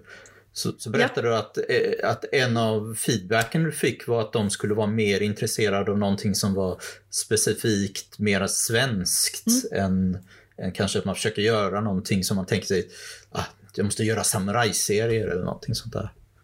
Ja, eh, så när, efter mötet med eh, den japanska redaktören så började jag ha e-mailkontakt med henne. Mm. Och då sa hon, du ska delta i vår, så hon visade redan på mötet, så visade hon, vi har vår, att de har en månadstävling som heter mm. Ribbon Manga School. Och i den månadstävlingen så ha, får man första eller andra plats så blir man publicerad i tidningen. Men en sak att lägga till är att japanska första och andra plats, och första och andra platser får också pengar. Mm. Um, en sak att lägga till är att japanska mangatävlingar har ofta en första och andra plats men också att de har tävlingsregeln, vi behöver inte ge första och andra pris till någon. Mm, så det innebär okay. att det är många mangatävlingar ja. som aldrig ger guldpris till någon. Mm. Uh, utan de, på sin höjd ger de silverpris kanske en gång i halvåret. Och det är också för att spara pengar. För att om de har en, en tävling och säger att första priset får 50 000 svenska kronor, ja. uh, andra priset får 30 000 och tredje priset får 10 000. Uh, om de aldrig ger ut guld så behöver de aldrig ge 50 000 kronor till någon. Så mm. då behöver de aldrig förlora pengar. Det är lite, så lite grann så märks ja. att, det, att Ja, det är lite cyniskt, men det, det är en det är helt okej. Okay, alltså, alla som är i Japan som deltar i mangatävlingar vet ja. om den här regeln. Alltså att du, kan, du får troligtvis inte guld. Um, att det är väldigt få som får guld någonsin. Mm. Men uh, i alla fall så att uh, jag deltog i Ribbon Manga School genom att jag började prenumerera tack vare Sunai Shop i Stockholm så kunde mm. man prenumerera på tidningen. Så det kostade mig skjortan, men jag fick eh, hem tidningen varje månad. Eh, oftast fick jag den då två, tre månader för mm. sent för att eh, den behövde skippas med tåg, eller med, med båt från Japan. Um, så jag fick i alla fall hem tidningen. Så då kunde jag kolla vilka serier fanns i tidningen, vilka stilar, vilka serier kom med i, i slutet av tidningen. Så hade de alltid um, liksom, eh, exempel på, eh, eller de hade de bästa kanske tio stycken bidragen den månadstävlingen. Ja. Eh, fem till tio stycken favoriter. Och om man lyckades i alla fall hamna där så fick man en liten eh, notis. Man fick en liten bild med och så fick man sitt namn och sin titel och så skrev de en liten utvärdering. Mm. Så skrev de, liksom, hade de en, där de utvärderar liksom storyn och karaktärerna och sånt där. Eh, och jag skickade in tre serier till Ribbon. Ja. Två av dem kom med på de här sidorna. Okay. Och jag var den enda internationella tecknaren under den ett och ett halvt år som jag gjorde, 2011 till 2012 mm. när jag gjorde detta. Um, och det, det, första jag skickade in var en cirkusserie och då fick jag feedbacken var wow, det här ser väldigt japanskt ut, men vi skulle vilja se någonting som bara du kan göra från Sverige. Ge oss någonting svenskt mm. liksom. Uh, och sen i den andra var uh, Sjöjungfruserien och då hade jag redan börjat rita Sjöjungfruserien när jag fick den reviewen så att jag fortsatte med Sjöjungfruserien, skickade ut den um, och fick också kommentaren att, uh, att det här är ja, ser väldigt japanskt ut, mm. uh, men att de saknade svenska. Så i den tredje, där gjorde jag uh, midsommar som tema. Men jag tror att jag riktade mig till en lite för, för äldre publik. Ja. För det var, det var saker i den som kanske alkohol och sånt som inte passar i, en, i ribbon. Um, men där någonstans också mm. hade jag, dels hade jag fått en ny redaktör, så um, redaktör Y hade slutat vara min redaktör, så fick jag redaktör M istället. Och eh, hon var eh, hon var inte lika mycket av ett fan utav den här Sjöjungfru-serien. Mm. Sjöjungfru-serien som jag gjorde som hette Hooked on you på engelska eller eh, Tomodachi no Baburu tror jag jag kallar den på japanska, något sånt där. Något sånt dumt. Eh, men eh, som är typ bubbelkompis eller någonting. Um, var det exakt eller, den serien som du sen ja. publicerade i, i var det Nosplits antologi? Eller? Mm -hmm. Precis, så på svenska hette den eh, En vän på kroken. Mm. Så den finns med i eh, stora mangasamlingar som Nosebleed Studio har ut också. Eh, och även cirkusserien finns med där också. Circus Romantik hette den. Mm. Och Sjöjungfru-serien, där var ju Sjöjungfru huvudkaraktären, hon var inte jättesmal, så jag gjorde henne medvetet lite mm. chubby, liksom lite, lite tjockare. Och det fick jag en kommentar privat, från, inte den här utvärderingen, men privat mm. från redaktör M. Hon skrev i sitt mejl till mig att hon tyckte väldigt mycket om seriens stil, men hon tyckte inte om karaktärsdesignen på huvudkaraktären, för citat, det där var en ohälsosam karaktärsdesign och den är dålig influens för unga tjejer. Och där ja. kände jag att jag vet inte om jag vill jobba för Japan längre. Ja, Japan är lite speciell vad det gäller eh, mm. um, speciellt tjock och sådär. De är väldigt snabba att påpeka att ja. människor är tjocka och sånt där. Allmänt oh, någonting ja. Asien tror jag. Ja. Precis, fetma är en big issue för japaner. Eh, så det var tyvärr, eh, där kände jag att, och dessutom så ungefär där 2012 när jag gjorde min sista serie och den kom inte med i tidningens mm. utvärderingssidor av, av flera anledningar, jag förstår varför. Och för att jag hade fått den kommentaren och dessutom så hade jag då börjat jobba med Amalthea. Så då kände jag, ja nu tar vi en paus från det här med Japan. Mm. Eh, helt enkelt. Men det, den här eh, senast, den nya eh, tävlingen du bidrog med en serie till, är det den här mm. Runebound eller var det någonting annat? Yes. Det var den? Precis, det är Runebound som jag skickade dit ja. till Tessica Award. Jag läste, lite, läste den på nätet lite också, den var lite kul. Ja, vad kul. Tack. Var roligt att se. Det kändes väldigt mycket som det kom, vi vill komma i fortsättning här för berättelsen har bara börjat. mm, precis, men eh, det var många som satsade på att göra det i, eh, i det här. Och det är lite grann det som Tessica Award är även i Japan. Mm. Så att eh, vad jag förstod så, vad jag läst så var Naruto var med i Tessica Award. Mm. Uh, Masashi Kishimoto gjorde sitt första uh, Naruto-kapitel eh, till Tezuka Award, jag är ganska säker på, och vann det. Ja. Nu kanske jag har fel, men jag tror det i alla fall. Eh, ni får gärna rätta mig om jag har fel. Men eh, jag är ganska säker på att det var eh, där som Naruto gjordes första gången och att det kapitlet var ganska likt. Att det var liksom en introduktion av karaktärerna, utav krafterna som karaktären, eller styrkorna som karaktären mm. har. Eh, och möjligheterna. Och dessutom man introducerar världen, den här ninja-världen som, som Naruto mm. eh, utspelar sig i. Så att, eh, och, och speciellt att, man, att där fick man, i det kapitlet får man reda på att Naruto är en underdog. Eh, så att liksom det är man introducerar på något sätt liksom mm. karaktären, karaktärens utgångspunkt. Så att, eh, allt det som händer sen i Naruto är ju själva liksom, utvecklingen ja. utav karaktären. Men karaktärens utgångspunkt presenterades i det här Tezuka-bidraget, vad jag, vad jag förstått så. Mm. Eh, så att, eh, jag tror att det är många som har gjort det i Tezuka-tävlingar, att de gärna deltar med någonting som skulle kunna bli något längre. Och det, var, det märktes också att ja. många av oss västlänningar som skickade in till tävlingen hade det ambitionen också. Ja, okay.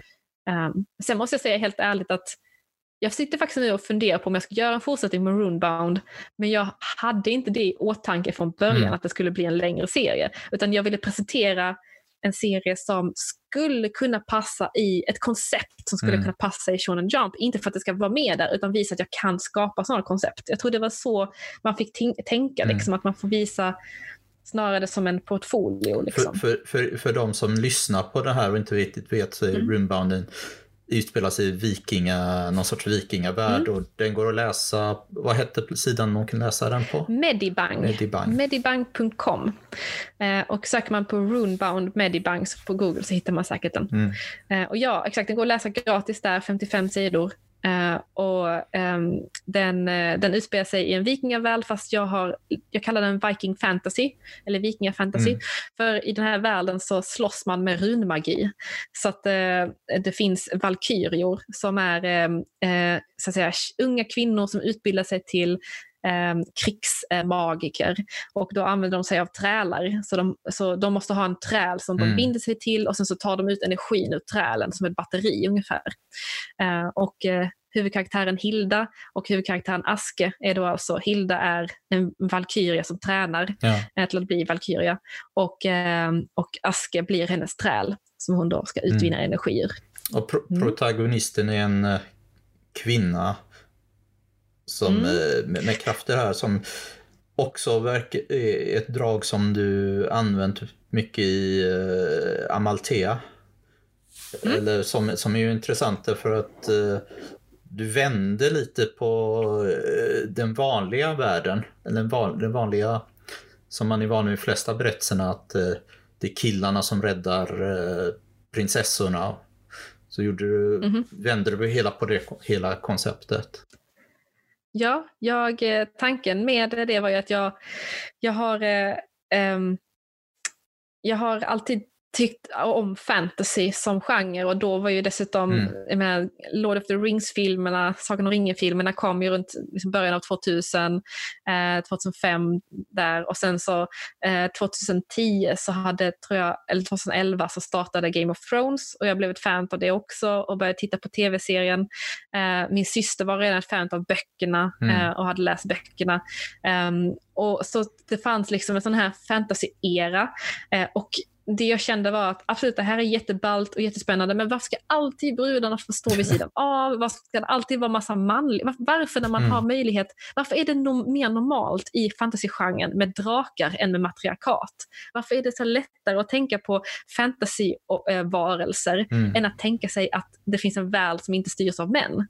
Äh, och då tänkte jag, men okej, okay, då googlade jag lite grann och jag kunde bara hitta äh, hon Ursula Le Guin som har gjort ja, äh, Övärlden, Legender från Ö ja, Precis, Legender från övärlden som har blivit animerad av eh, eh, Miyazakis son, mm. Goro Miyazaki. Eh, den, hon är, är, ju känd som slags ehm, eh, normbrytande fantasy. Men det var liksom mm. inte så mycket annat man kunde hitta. Jag kan säga att även om vi inte har mm. kvar den så att eh, boken Ordbilder gav ut Västtjusaren, den japanska fantasyboken, mm -hmm. hade också lite sådana koncept av någon sorts eh, yep. vad heter det, maktstruktur där det var en kvinnogudin eller kejsargudinna mm. som bar makten genom yeah. kvinnligt led. Ja, precis. Eh, var det också Le Guin som gjorde den? Nej, det var, det var en japansk eh, bok, som, ah. författarinna som vi också gav ut. Ja, ja, ja, Hon har också tydligen var lite antropolog så det kanske finns någon koppling där. Jag vet. Mm. Jag, jag, tror att det, alltså det finns också någonting väldigt kul i att ta en genre som är så hårdkokt ibland mm. som fantasy kan bli och väldigt mansdominerat även på läsarnivå och så ta den och bara säga nej och bara leka med det. För det var det som var min lilla tanke också, var dels att producera en, liksom en fantasy en hjältesaga ur ett kvinnligt perspektiv. Mm. För att jag, jag tyckte det saknades personligen. Men också lite grann för att jag tyck, tycker det är kul att provocera mm. eh, någon grupp.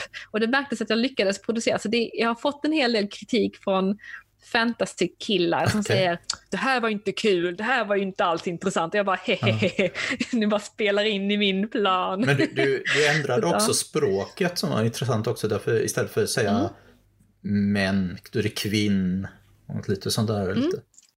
Det var ju mycket av, alltså tanken med Amalthea var um, att jag hade läst, när jag var 15, så läste jag eh, eh, Gert Brandenbergs eh, Egalias döttrar som är mm. en sån här känd eh, 70-tals hippie eh, feministbok eh, som i feministkretsar eh, läses. Liksom. Och den handlar om en värld där det är männen som inte har rösträtt och så handlar det om en man mm. eh, som är förtryckt, eller männen är förtryckta och huvudkaraktären är en man och han bestämmer sig för att starta ett mansparti så att männen ska få rösträtt. Eh, och så handlar det om liksom, den politiska kampen eh, i det här mm. samhället där kvinnor leder. Och och, det, och där i den boken, hela, det är en textbok, liksom en roman, mm. och hela boken, där har, de, där har Gertrud, eh, Gertrud eh, eller hon skrev ju på norska, men översättningen har valt att använda ordet dam istället för man. Mm. Så det säger dam ska, ma, dam går, dam bla bla bla. Så. Och det är, redan de första tre sidorna blir man helt förvirrad, men sen efter ett tag så glider man in i det här nya språket mm. och förstår att okej, okay, och, och alla gånger det ska stå liksom handelsman eller liksom, ja, någonting man, då har hon ändrat det till kvinna mm. också. Eh, eller kvinna. Um, och det tyckte jag var väldigt häftigt, så jag bara, det här vill jag använda mig av. Min tanke var från början, hur kan jag göra en för det var en bok som jag läste när jag var 15, som jag kände, hade alla läst den här när de Ja. var 15, män och kvinnor, så hade vi haft en större förståelse av förtryck. Mm. Eh, jag tror att många män hade förstått förtryck bättre om de hade läst en sån bok. Jag Alltså, funderar på hur kunde jag göra en sån bok fast modern? För den är lite dammig, Mm. den är lite 70-tal. Ehm, och då tänkte jag, fantasy, fantasyvågen, det som är bra med fantasy är att man använder sig av feodalism. Feodalismen är ännu mer objektifierande. Ehm, så där kan ju männen bli Mm. ännu mer av ett objekt för kvinnligt politiskt spel, maktspel. Så då, då valde jag att göra Amalthea. Liksom. hur, hur hamnade Så den, eh, eller när den började, när den gav sig första omgången så gavs den ut på kolik. Hur, hur hamnade och fungerade det där? Mm. Det började med att jag egentligen tänkte göra den för Tokipop. Mm. Så 2010 redan, när jag eh, gjorde, eh, när jag gjort klart eh, A Song for Release, den tyska versionen hette Ein Lied för release. Mm. Redan då så frågade eh, de tyska redaktörerna mig, ja, vad vill du göra nu? Vill du göra någon mer bok? Eh, och jag bara, ja det är klart jag vill. Och då sa de, antingen kan du göra en till Boys Love, Mm. men då kommer du bli klassificerad som en Boys Love-tecknare, så då kommer det vara svårt för dig att göra någon ny genre. Och då sa jag, okej jag skulle vilja testa att göra en action, kanske action fantasy. Mm. Och då sa de, ja, gör inte action. Det... Och då sa de just det här med Shonen Jump, att på grund av Naruto, då var Bleach fortfarande igång, Ja. Naruto, One Piece. De bara, det är så många av de här stora actionserierna som vänder sig till grabbar som tar alla deras pengar redan, så din bok kommer inte sälja. Mm. De sa det, vi vet, vi har testat det, det går inte att sälja shonen därför att shonen-läsarna är redan så de har redan så många titlar de följer. Eh, och, att, och att unga tjejer är mer en köpstark grupp när det kommer till manga. 65 procent av de som går på, på manga-konvent och som cosplayar och så vidare är kvinnor. Mm. Så jag bara, okej, om jag skulle göra en action shoujo, kan jag göra en action, kan jag göra en action fantasy som är en kvinnlig huvudkaraktär? Som har, och då sa de, ja det där är jag intresserad av. Så egentligen var från början var ju tanken att skulle pitchas för, eh, för Tokyo-pop. Mm. Däremellan jobbade jag för övrigt med ett barn, en barnbok som jag ehm, eh, tecknade på som hette ehm, eh, Häxfolket. Så jag illustrerade Häxfolket Ja, ja. i ett par, eh, ja, i två, ett och ett halvt år där. Mm. Eh, så att när jag hade gjort klart eh, Häxfolket så gjorde jag första kapitlet av Amalthea och skickade den direkt till eh, um, Tokipop. Mm. Men fick svaret att nej, just nu har vi inte möjlighet att ge ut tre böcker. Eh, för det var tre böcker, var min tanke, för jag visste att de gav ut tre Ja. boksserier. Liksom. Och då sa de, nej, vi har inte möjlighet att ge ut den just nu. Ehm, och då försökte jag skicka den till USA, så jag kontaktade Yen Press i USA. Eh, åkte till och med över 2012 till eh, New York Comic Con. Fick svaret, där fick jag ett väldigt bra svar från dem. Det var, dels så sa de, ehm, nummer ett, du ska inte försöka ha fler redaktörer samtidigt. För min tanke var att om jag kunde få ut den både i USA och i Sverige och i Tyskland Mm. samtidigt så skulle det kunna liksom, få den spridning jag behöver. Eh, och då sa hon, nej, försök ha en redaktör åt gången. Det finns ingen anledning till att du ska ha fler redaktörer. Så det var ett väldigt bra Mm. råd, eh, tror jag. Nummer två eh, var att hon sa, den här serien är för vit. Om du ska ge ut den i, Sver- i USA så måste du ha mer mörkhyade karaktärer också. Eh, den är för den är för liksom, etniskt rensad. Mm. Och då insåg jag också bara, wow, det här, det, hon har ju helt rätt. Liksom. Ehm, så det var efter det som jag ändrade uh, hudfärgen på main, uh, huvudkaraktären, den manliga huvudkaraktären, Ossian. Och hans mamma också blev mörk. Mm. Och sen satte jag in mycket mer mörka karaktärer. Jag, och det var inte bara för att hon sa det, utan det var ju för att det var en ögonöppnare. Bara, ja, det är sant. Eh, varför ska det vara så mycket vita karaktärer i den här serien? Men det, det var Mm. amerikanska Tokyo Pop som den till slut hamnar på när den väl kom till USA. Ja, precis. Så Jen Press eh, tackade nej där 2012 och sen så gav jag, då fick jag napp från eh, Fabian Göransson på Kolik förlag för att han kände mig sedan Mm. tidigare och han ville jobba med mig. Så han, han gav ut den 2013, 2014. Sen hoppade han av Hamnade förlaget den i, 2000. i Utopi också eller var den direkt till bok? Nej, eh, Utopi hade gett ut Lars Krantz och Lisa Medins verk Ja. på, i svartvitt. Men lagom till att Amalthea var signad utav Kolik så sa de att nej, nu vill vi att Utopi bara ska vara i färg. Mm. Så att vi tänker fasa ut alla de svartvita serierna eh, helt och hållet. Så att eh, det blev till slut så att den hamnade aldrig i, i Utopi utan den kom bara ut som böcker. Mm. Och sen då 2014 när, när Fabian lämnade förlaget, då eh, ringde jag till Josefin Svenske. Mm. Eh, som, eh, för det här var faktiskt en sån sak också. Jag sa till Fabian att jag är bara redo att skriva kontrakt med er om ni skriver i kontraktet att ni ska ge ut alla tre böckerna. Ja. Och det var för att jag hade sett vad som hade hänt med eh, Kick-Off om du minns Kick-Off och Yokai Studio. Ja, de, den fick ju mm. stoppa eftersom eh, de förlaget yes. insåg att det inte sålde lika bra. I, eller affärerna vill inte köpa in lika mycket och sen vill inte de ge ut ja. sista. Och det här var 2000, det minns jag att det var 2009, 2010. Mm. Eh, det var en serie som, eh, som var också en sån där eh, väldigt populär bland de som var intresserade, men den, den sålde inte som, som den gavs mm. ut på B. Wahlströms. Och jag vet att B. Wahlströms hade väl en hel del sådana storsäljare. Um, så att de jämförde väl den antagligen med de japanska titlarna och då sålde den inte lika Fast bra. Jag tror att det var den, det, det de var den var de, eh, ja. vevan som bokhandlare slutade köpa in totalt manga. Ja, ja just det, precis. 2000, ja, 2008, 2009 måste det ha varit, för 2010 dog i princip mm. allt. Um, ehm, 2010 fanns inte så mycket manga kvar. Eh, och det var också en anledning tror jag varför Miao funkade så bra. var för att lagom till att alla andra förlag hade lagt ner sin mangautgivning mm. så kommer Miao ut. Så läsarna finns redan där. Läsarna fanns ju där och de bara plockade upp Miao. Mm. Um, så att mycket av, och Nosebleed Studio började ge ut böcker mer också under 2011. Ja. Vi, vi på Nosebleed Studio, och du också gav, gav, ut en hel del manga där. Vi blev ju förlagen som fick ta fylla den där tomrummet på hyllorna. Ja.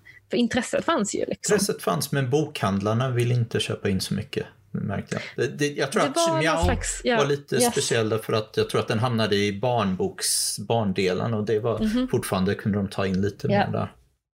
Det märktes att bokhandlarna rensade bort det de kallade för mangahyllan. Mm. Så att eh, eh till exempel, eh, jag vet att eh, SF-bokhandeln eh, ett långt tag så ställde de svensk manga bland svenska serier och inte bland manga. Mm. Eh, bara för att det var på svenska. Och då frågade de varför gör ni det? Det är ju jättedumt därför att där, menar, ingen mangaläsare går bort till svenska seriehyllan. De går ju till mangahyllan. Ja, ja. Och ställer ni inte mangan där så kommer den inte läsas. Till slut nu har de ändrat det så nu står faktiskt svensk manga med manga. I, Men det tog ett I tag. Stockholm då um, eller? Jag har inte mm. sett hur Både i Stockholm och i Malmö har jag sett okay. det här. Eh, och det har varit riktigt irriterande för jag tycker att det är, det är ett bra sätt att skjuta sig själv i foten. Mm. att inte placera böckerna där de faktiskt, läsarna faktiskt går. Um, därför att på svenska seriehyllan så står ju Liv Strömquist ja. och, och liksom Sara Graner. Det, där står inte manga. Nej, men det, det är en annan, annan genre. Rent allmänt så är ju serie, seriehyllorna i bokhandlar rätt eh, patetiska. Absolut. Väldigt, väldigt ledset. Det, vi hade haft en helt annan standard, eller en helt annan eh, möjlighet om vi hade haft mer seriebokhandlar. Vi hade fler seriebokhandlar. Mm. Eh, jag vet att den i, i Lund till exempel, där jag hittade Wendy Pinis eh, eh serie, där jag hittade manga, det var Pocket Bookshop mm. och den stängde ju igen liksom, tidigt 2000-tal. Liksom. Eh, och då var det över. Ja, så är det. Så att, eh, men ja, det var... Ja, Men, eh, Amalthea var i alla fall ja. ja på, Kabu, på Kolik förlag. Mm. Och då, du fick alla tre gavs ut till slut? På den. Ja, precis. För att, eh, att jag ringde till Josefin och sa att ja, men, eh, nu har ju Fabian slutat, men ni signade ju alla tre böckerna, så nu är det bara att ge ut sista boken. Mm. Så då, hon bara, ja, då får vi göra det. så hon, men hon ville ge ut den. Men, så tyvärr ja. var det många svenska manga-serier som dog där med, alltså, Lisa Medins Medley ja. kom inte ut mer utav och eh, Necropop utav ja. eh, Carolina Stålberg kom inte ut mer utav. Och det var ju för att det var titlar mm. som Fabian Göransson hade under sig eh, på Kolik och de, eh, tyvärr, de dog med hans avhopp. Lisa Medin som tur blev upplockad av eh, mm, Galaga och förhoppningsvis ska de ge ut Även hon lät lite halvosäker sist jag pratade med henne. Mm. Men förhoppningsvis ger de ut fortsättningen när hon är färdig med den. Så det är en sån sak som jag rekommenderar tecknare om de vill göra manga eller inte manga. Signa alltid alla, alla volymerna till samma förlag direkt. Alltså, mm. Låt inte ett förlag ge ett kontrakt per, per volym. Gör inte det.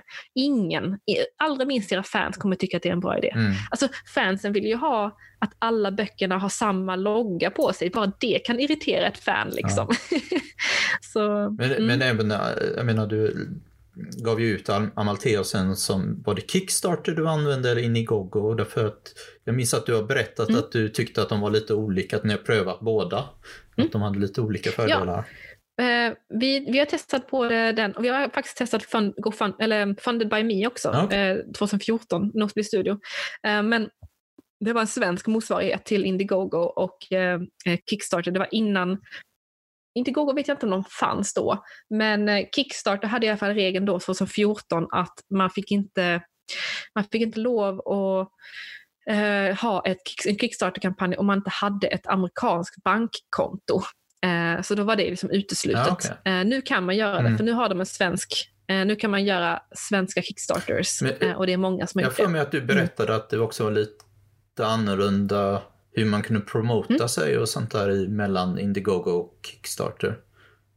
Ja, den speciella skillnaden är att båda två stöttas av Googles ad, ad, AdSense mm. eller ad eh, konto så att man kan titta på eh, hur många eh, ja, hur många människor som har klickat och gått vidare med köp och så vidare. Eh, men Indiegogo är mer integrerat. Eh, så där, där finns det fler sätt att, hålla, att liksom spåra eh, aktivitet. Okay. Sen är det också frågan hur mycket sånt man är intresserad mm. av. Ehm, jag vet att jag pratar mycket med Johan Kinnerin ja, som har gjort eh, flera stycken Kickstarters. kan jag säga för de som inte mm, vet. Apart förlag. Eh, precis. Eh, han har gjort bland annat Kickstarten för Kalle och Hobbe, för Valhallböckerna. Eh, otroligt populära och lyckade Kickstarters. Ehm, och så han är väldigt inkörd i det här med hur man ska maximera annonser och så vidare mm. på Facebook och liknande. Um, men, men jag skulle också säga att eh, man får också fråga sig, tror jag, vad en sån crowdfunding ska vara till för. Mm. Så att vad det var till exempel med samlingsboken av Amalthea, det vi kände där var att målet där var vi hade börjat få slut på böckerna ja. på Nordsby Studio. Vi hade köpt upp lagret från Kolik eh, när Kolik la ner 2016, tror jag det var. Eller 17, mm. så la de ner. Så då köpte vi upp lagret av dem och började sälja Amalthea. Eh, och eh, då insåg vi att nu börjar vårt lager också ta slut. Ska vi trycka nytt eller ska vi göra en samlingsbok? Och när vi vill, då visste vi att de som kommer köpa samlingsboken ja. är fansen och deras kompisar eh, främst. Mm. Det var några nya som hittade boken också, men många av de som köpte den var folk som redan kände till serien, som hade lånat den på biblioteket och som kände att ska jag köpa den kan jag lika gärna köpa en ja. snygg guld, guldbeklädd eh, och, och, och, samlingsbok. Um, så det är väl det man ska fråga sig själv. Jag ser en crowdfunding som lika delar finansiering eller förhandsbeställning, mm. eller förhandsorder och lika delar marknadsföring. Så att man måste ju se det lite grann som en marknadsföringskampanj där man gör mycket, eh, mycket promotion för den här boken och boksläppet. Jag tror att fler förlag skulle kunna mm. använda mm. sig av den som Men, en marknadsföringskampanj. Jag har också samtidigt känt att liksom, om man ska ge ut en bok så är det oftast, det räcker inte bara med boken, utan vill ha de här sidogrejerna som man kan ge till de som mm. eh, liksom teckningar, bilder, lite. Det, det är mycket det som är, verkar ja. vara en del av det när man ska göra. Absolut. Absolut, men bara alltså, redan att göra, vi gjorde nu till, eh, eh istället för bokmässan, som mm. inte blev någon bokmässa, så gjorde Nosby Studio en liten kampanj. Och det var ingen, ingen jättestor inkomst vi hade på det, men vi gjorde bara en liten veck, en vecka eller en och en halv vecka hade vi kampanjen öppen. Eh, och då var det bara att vi sålde våra böcker, man kunde få dem signerade mm. och man kunde få från Joakim som gjort eh, Penguin Rumble, som är en av våra serier, ja. så kunde man få lite originalbilder om man ville det. Men det var inte jättemycket mer avancerat. Det var, vi hade lite lite pins och lite prints och sånt som vi har tryckt tidigare. Mm. Um, men det var, inte, det var inte så mycket specialgrejer. Och vi, och vi fick ändå upp ett intresse. Så jag tror att vad folk mer gillar med de här kampanjerna är att vara en del av den, att se det ticka in pengar. Ja. Eh, när det gäller både eh, Amalthea-samlingsboken och Amalthea-spelet som, vi samlade, som jag samlade pengar till nu i somras på Kickstarter. Mm. Jag bidrog med eh, så, en, version där från ja, spelet. I alla fall. Ja. Nice.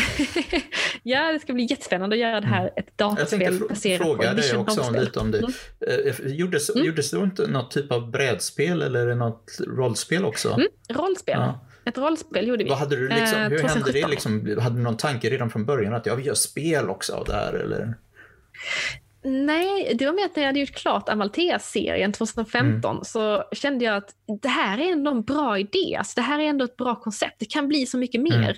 Så att, um, jag hade med den på lite olika festivaler och fick liksom respons. Och en av dem var att en jag var på Gothcon i Göteborg, mm. det här brädspelseventet på Hvitfeldtska.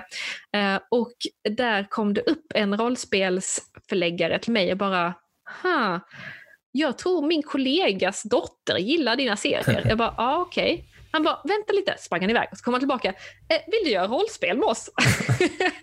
så han var så här, hade, hans mm. kollega satt liksom där borta och bara, ja men vad fan, det är klart vi ska göra det. Um, så att de hans kollega var, eh, det här var Daniel från eh, Saga Games och sen så hans kollega heter Thomas Arfelt ja. som även skrivit en hel del rollspel. Mm. Så vi satte oss ner och började skriva. Thomas skrev regelsystemet och jag skrev all lore. Eh, och så gjorde vi en bok och så gjorde jag illustrationer till den. Så gjorde vi en bok mm. där liksom inte bara, alltså som fan till Amalthea-serien så kunde man dels spela spelet men man kunde också läsa spelet bara för att få reda på mer om världen. Mm. Och det var det som jag tyckte var roligast, att jag fick eh, chansen att liksom på något sätt köpa ut hela den här, precis expandera, expandera möjligheterna och världarna och äventyren. Och den har också legat sen till grund för dataspelet. Mm. Så att i, i rollspelsboken finns en hel del karaktärer som kommer finnas med i dataspelet. Um, så att, uh, ja. Det, och platser. Men ni, det, ni har hållit på lekt med lite tekniska sådana här grejer. Jag såg ju att Nosebleed också har mm. något projekt nu med en eh, app om jag förstått för att eh, mm -hmm. läsa manga eller läsa era. Är det era serier framförallt som ni gör eller är det mera expanderat mm. än det eller hur har ni tänkt? Vi, vi har, eh, det här var en sån idé som vi kom på förra året att vi bara Eh, en av våra medlemmar, Magnolia Vinrot, mm.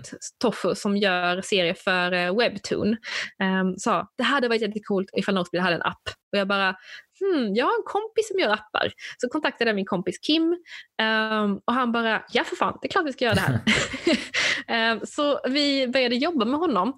Och först så, så tänkte vi att vi, vi um, Eh, vi, försöker, vi betalar honom pengar och så, så gör han lite grann och så får vi se var vi hamnar. Sen sökte vi faktiskt ett bidrag mm. från Region Skåne. Nu med covid, under covidperioden så stod det, var det ett bidrag från Region Skåne som var ett, eh, jag tror det hette extra stöd eller expansionsstöd. Mm. Och det var att man ska, om man skulle jobba fram en ny arbetsmetod som var mer digitaliserad för att nå ut till sina, eh, om man som, bara som kulturorganisation ja. ville jobba med, eh, mer digitalt. Och då sa vi att okej, okay, då söker vi för vår för app också.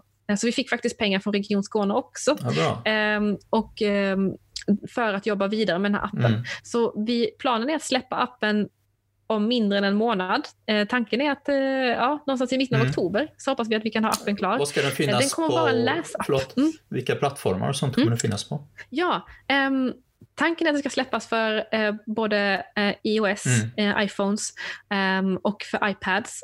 Um, det kommer finnas för plattor också. Och det kommer också finnas för Google Play för Android-telefoner. Mm. tanken är att det ska först och främst vara en läsapp. på lång sikt så, vi har inget intresse, eller just nu så har vi ingen plan på att göra det till ett community. Mm. Eh, och det är av den enkla anledningen att har man ett community måste man ha moderatorer eh, och speciellt om man vänder sig till unga läsare så finns det mycket risker med att ha ett community, ja. en communitybaserad eh, appform. Så att vi känner att det är bättre att det här är en tydlig läsapp. Ja. Um, och det är också för att Kim som är vår apputvecklare, hans dotter är ett manga-fan som gillar Nosebleed saker. Men hans dotter är ju ganska ung. Mm. Så han, han är förälder själv och han skapar appen till sin dotter. Och det är jättegulligt tycker jag. Att han, han har hela tiden pratat om hur viktigt det är med föräldralås mm. och hur vi ska kunna göra liksom, ålderskategoriseringar av böckerna. Um, så att man som förälder kan på något sätt interagera med appen på ett ett sunt sätt. Har, har ni behövt eh, sin, eh, också ja. tänka lite på hur, hur gör om era serier lite och passa bättre just för att kunna läsas digitalt på det mm. sättet? Eller hur? Vi har, eh, vi har utgått från serierna för mm. appen. Så planen är att, serien, att appen ska vara en, eh, precis som till exempel Shonen Jump har en app också mm. som heter Manga Plus, eh, och, eller Jump Plus. Och den är också ganska lik, det är liksom att du läser sidorna helt enkelt, seriesidorna. Mm. Och det är därför att vi vill fortfarande kunna ge ut dem som serieböcker och vi vill fortfarande kunna, vår plan är också att börja ta in serier från andra mm. länder och, och kunna, speciellt europeisk manga, ja. för det finns mycket fantastiskt bra tysk manga, du har eh, italiensk, fransk eh, manga. flera gånger med mig om massa ja. olika som du tycker om. Jag har försökt få det att ge ut, ja. precis. um, uh, men ja, så det, det, är någonting som vi skulle vilja göra med Nosebleed. Och tanken är att på lång sikt att uh, vi hoppas ju på att det här kan bli en manga-app för flera eh, förlag. Mm. Så vi kommer kontakta dig också förr eller senare när vi väl har... Tanken är väl nu att prio ett är att eh, få upp appen, få igång den. Den kommer ha en gratisdel och sen kommer och det kommer vara liksom första kapitlet i vissa, tid, i vissa mm. böcker och sen kommer det vara hel, vissa serier kommer vara hela gratis. Men vill man läsa allt så får man betala en prenumerationsavgift. Mm. Och Det är liksom som att prenumerera på en tidning. Det är som 400 kronor per år och så får du allt i appen. Mm. Uh, och Då garanterar vi att vi släpper, jag tror vi har så 500 sidor om året eller någonting. Nice. Så du, du, får tillbaka det ganska mycket. Det är liksom det motsvarar att köpa två, tre volymer av en manga mm. eh, i, i, kostnader och vad du får.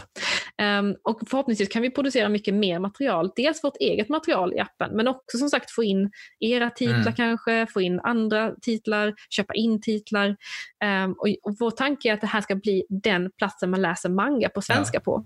Uh, ja, kommer du, är ju... Ja, kommer ja. det ha ett speciellt namn som folk som vill hitta det? Eller? Mm. Eh, appen kommer heta Nosebleed Manga Club mm. just nu. Eh, och det är för att vi tänker att den kanske kommer bli klubb på engelska. Mm. Och det är för att vi kanske kommer att branscha ut till andra språk i framtiden. Så vi börjar just nu så har vi på kontakter. svenska då? Mm.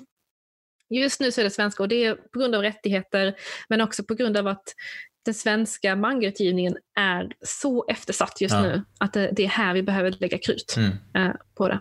Jag förstår. Och det, därför har vi också startat en mangatävling. Såg du det? Jag såg det faktiskt, ja.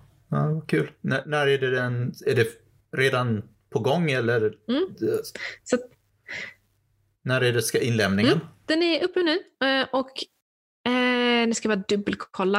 Eh, men jag är rätt säker på att vi satte mars eh, som deadline, första mars. Så det är lång mm. deadline. Eh, och, Nästa år då eh, alltså? Tanken, ja, precis. Och tanken är att vinnarna vi kommer välja ut tre totalt vinnare och de kommer hamna i app. Mm. Liksom, tanken är att allting ska kopplas tillbaka till att, man, att vi läser serierna digitalt. Vår förhoppning är ju att, kunna, eh, att appen ska kunna bli en plattform för våra serier och för andra mangatecknade serier. Ja. Så att, eh, istället för att man behöver vänta på en tryckt bok så kan man alltid läsa första kapitlet i den. Jag, jag tycker att det är väldigt eh, häftigt att ni vågar på, att pröva på sånt här, lite olika grejer. Så att, eh, Mm. Egentligen man tänker sig att det är de stora förlagen som ska liksom satsa på sånt här och sitta, så är ni där som ja, springer. Gör inte de det så får vi ja. göra det. Men ni hade också en tävling va? Eh, med, det var, det var där som inte, eh, Team MGM Vi har inte haft en tävling någon gång. Vi har haft mera att när Nej. vi har vet att vi har haft en budget att ge ut en bok och en, vill att ge ut en svensk bok så är det mm. Skicka in våra, era pitches till oss. Så, så, mm -hmm. så att det, jag skulle inte kalla det en tävling. Jag, just det, jag hade en det stämmer, vi hade någon, jag prövade på att testa göra någon mm. sorts tävling där det bara var typ uh, uh, ska ge någon sån konstig kattmedalj till vinnaren eller någonting sånt där. ja. Men, är logga en katt eller? Ja, eller loggan är inte en katt ja. utan uh, maskoten är en katt. Kan man säga. Maskoten. Mm. Eh, men, men eh, det, var, det var, blev lite sådär därför att eh, jag tyckte det var, jag vill inte ha hela ansvaret för mig att jag skulle välja ut någonting som vilken av de här. Utan mm. Jag ville göra att, liksom, att alla läsarna kunde välja men det funger, blev mera jag hämtar mina kompisar och visar upp lite mer än, än, än det där det är alla, svårt. alla vill välja den bästa serien så att säga. Så att, så att... mm. alltså, det är väldigt krångligt det där med pris, att, att välja ut pris. Jag tycker mm. till exempel att uh, du har ju säkert följt också min kritik mot uh, Urhunden, uh, det svenska seriepriset. Mm. Och, jag, och, det är mycket därför att jag tycker att det är, det är inte möjligt att jämföra serier. Inte ens inom samma kategori mm. tycker jag det är lätt. Um, alltså, och det är därför som i vår tävling med Nosebleed Studio så har vi, vi har inte valt en första, andra, tredje plats för att, av, av medvetet för att vi säger att, eller vi tycker inte att det går att säga att den här serien är så mycket bättre mm. än den här serien. Vi kommer, säga, vi kommer välja tre stycken som vi vill publicera. Så att det är, vårt, mm. det är mm. liksom tre stycken som vi vill publicera och som vi vill jobba vidare med. Ja, eh, som, som vi som, eh, som redaktörer. Mm, som vi snarare ser potential i. Mm. Och att vi kallar dem vinnare, men, men det är inte egentligen som att de är som att de har någon inbördes ordning, rangordning, utan de är tre mm. bra serier. Och egentligen så skulle vi lika gärna kunna välja kanske fem, men det har vi inte råd med. Ja. Utan vi har valt ut tre för det är vad vi har råd med. liksom. ja, mm, och tid med, helt enkelt. Um, mm. Jag tänkte bara loopa tillbaka lite snabbt till uh, mm. Amalthea där. Därför att yes. uh, du gav, ni gav, ni gav ut uh, samlingsvolym och det blev spel. Och, sen till, mm. och nu har det också getts ut i USA. Hur hände det? Mm. Det, om man ska köra den långa om man ska korta ner den mm. långa historien så var det att Miao 2016 hade jag gjort klart Amalthea och jag började känna jag vill få ut mina serier internationellt. Jag gick ut på, eh, på olika eh, Facebookgrupper och så skrev jag. Eh, och då googlade jag på nätet och så såg jag att för att bli utgiven internationellt så behöver man ha en agent, ja. en, litterär, litterär agent. Det hjälper. Så då hittade jag, kollade jag på de svenska litterära mm. agenterna ifall någon av dem skulle kunna representera mig. Jag kontaktade, ehm, jag tror det är en som heter um, Ocean någonting, Ocean uh, Agency någonting. Okay. Uh, och de kontaktade jag i Sverige. Uh, de, uh, bland annat så um, representerar de Sara e- Bergmark Elfgrens mm. serier. Och, så jag kontaktade dem och frågade, vill ni liksom ge ut för mig? Och då sa jag också att jag har redan kontakter i en del länder så att ni kan ju börja ro i land de här först. Och de bara, nej, vi kan inte göra, vi, kan, vi är inte intresserade. Jag bara, nej, mm. okej. Okay. Så då blev jag lite missnöjd med det. Okej, okay, de vill inte representera mig. Um, så då skrev jag på Facebookgrupper, okej, okay, nu letar jag efter en agent uh, i USA. Finns det någon litterär agent jag kan kontakta? Och då var det en, en grabb, en, en snubbe som, som skrev att jag är inte litterär agent, men jag har ett förlag i USA mm. och jag, jag är redo att ge ut din serie Um, och, utan, och att vi skriver ett avtal som gör att om du får ett bättre avtal så eh, kan, vi liksom, kan jag släppa rättigheterna till dem. Um, så det var ett väldigt ofördelaktigt avtal för honom men han var mm. villig att göra det för att han ville snarare se den komma ut. Det var då han som sen um, tog sig lite vatten över huvudet och det blev för mycket jobb. Så han valde, och jag sa då att jag vill inte ge ut Amalthea ja. hos dig men jag kan ge dig Miao. Så gav jag honom Miao och då gjorde vi en Kickstarter tillsammans. Så jag fick lära mig lite grann om Kickstarter tack vare honom. Um, så det var en lärorik mm. process. Och den Kickstarten postade jag mycket på sociala medier för. Och av någon anledning så hade jag, en av mina vänner på Facebook var Stu Levy, mm. som är chefsredaktör för Tokyopop i USA och som också är chefsredaktör i eh, tyska Tokyopop. Så det var antagligen genom den tyska Tokyopop ja. jag hade honom bland mina vänner. Så han såg kampanjen och så skrev han till mig Åh, vad synd att du redan har signat den här hos någon. Har du något annat att visa upp? Jag bara, det är klart jag mm. har. Och så skickade han honom Amalthea. Och han bara, ja, nej, ger vi ut. Typ. Ah. så att, uh, han, han blev såld direkt när han såg Amalthea och han var faktiskt på besök i, i Stockholm uh, vid ett tillfälle så jag åkte upp och träffade mm. honom. Och, um, och vi, uh, då pratade vi redan då om att ja, det här är helt rätt i tiden och vi skulle kunna liksom, se det här växa till någonting större ja. och pitcha det kanske för filmbolag och sånt i framtiden. För de har sitt kontor i Los Angeles. Så du var också, äh, åkte till ja. USA och mm. signerade och sånt där lite? Precis. Va? de har ju som sagt eh, i Los Angeles har de eh, en av de största manga och anime-konventen mm. som heter Anime Expo. Eh, och det hade de i juli månad tror jag det var. Så jag åkte dit eh, och var med på det eventet och signerade och det var så 40 graders värme, riktigt sån California-känsla. Mm. Um, det var riktigt häftigt. Um, så den, eh, den kom ut där. Uh, och samma år så kom den även ut i Italien, Tyskland och Tjeckien. Så då åkte jag runt mycket. Men på mm. andra förlag då, inte kopplade till? Precis, precis. Uh, och de olika förlagen var ju, Italien kände jag, det förlaget kände jag till sedan ja. tidigare. De, Amaltea hade faktiskt kommit ut på italienska online, på en online-tidning uh, tidigare. Så den, den hade jag liksom byggt upp under ett par år och har lärt känna många jag, italienska jag, jag riktigt duktiga mangatecknare. Det, det är lättare att få ut saker i fler och fler länder, därför att eh, när man väl fått det i ett land så tenderar förlag för mm. andra att titta, aha, det fungerar det landet också. Det hjälper, ja. det hjälper. Men, eh, men det är liksom, det jag har märkt är att jag tror att hade jag haft en agent mm. så hade de absolut eh, haft en annan inställning till det. Eh, men jag kan också säga att jag tror också att jag hade inte kommit så här långt om jag hade haft en agent. För någonting jag har märkt är att de litterära agenterna som finns i Europa till och med de som jobbar med manga är dåliga. Mm. Alltså förlåt, men jag, och det säger jag nu också för att jag dealar med en agent just nu över en titel som Nosebleed vill köpa in. Ja. Och vi har seriöst dealat, du vet ju hur japanen är. Vi mm. har försökt deala med den här franska agenten i tre månader. Visst, det har varit sommartid, men eh, jag menar, de vill inte sälja serierna till oss. Liksom. Mm. Det är så svårt. Ja, ja, um, så jag är glad att jag inte har en agent. jag vet att uh, de franska serierna vi har gett ut, de har varit uh, på vissa sätt hårda än, än de japanska i Mm. att de har velat ha mycket större del av advansen på en gång. Mhm. Det är det. Mm. Och eh, någonting jag märkt också att det att eh, agenter, de, det märks att de jobbar ju för förlagets skull, så att avtalen måste man ju kolla extra noggrant. Ehm, så det, det, det är väl det som vi har haft mest krångel med just nu. Men vi håller i alla fall Nosebleed på att köpa in titel som kommer förhoppningsvis så fort vi har avtalet påskrivet, vi är Mm. nära att skriva på det nu, så då kan vi släppa Ja. na- namnet på den. Men eh, det kommer bli en fransk manga. Är det, är det, kommer kommer den i, i, i en fysisk utgåva också eller är det på appen då? Eller? Yes. Den kommer först i appen och sen kommer den som, som bokform Mm. också. Spännande. Så det kommer bli riktigt kul. Mm. Eh, jag, har sett också att du i samband med, antar jag, med Tokyo Pop så, eh, har haft en hel del uh, live-teckning och sånt där. Mm. Har det varit mycket så mycket promotion det- på, i samband med, med utgivningen där?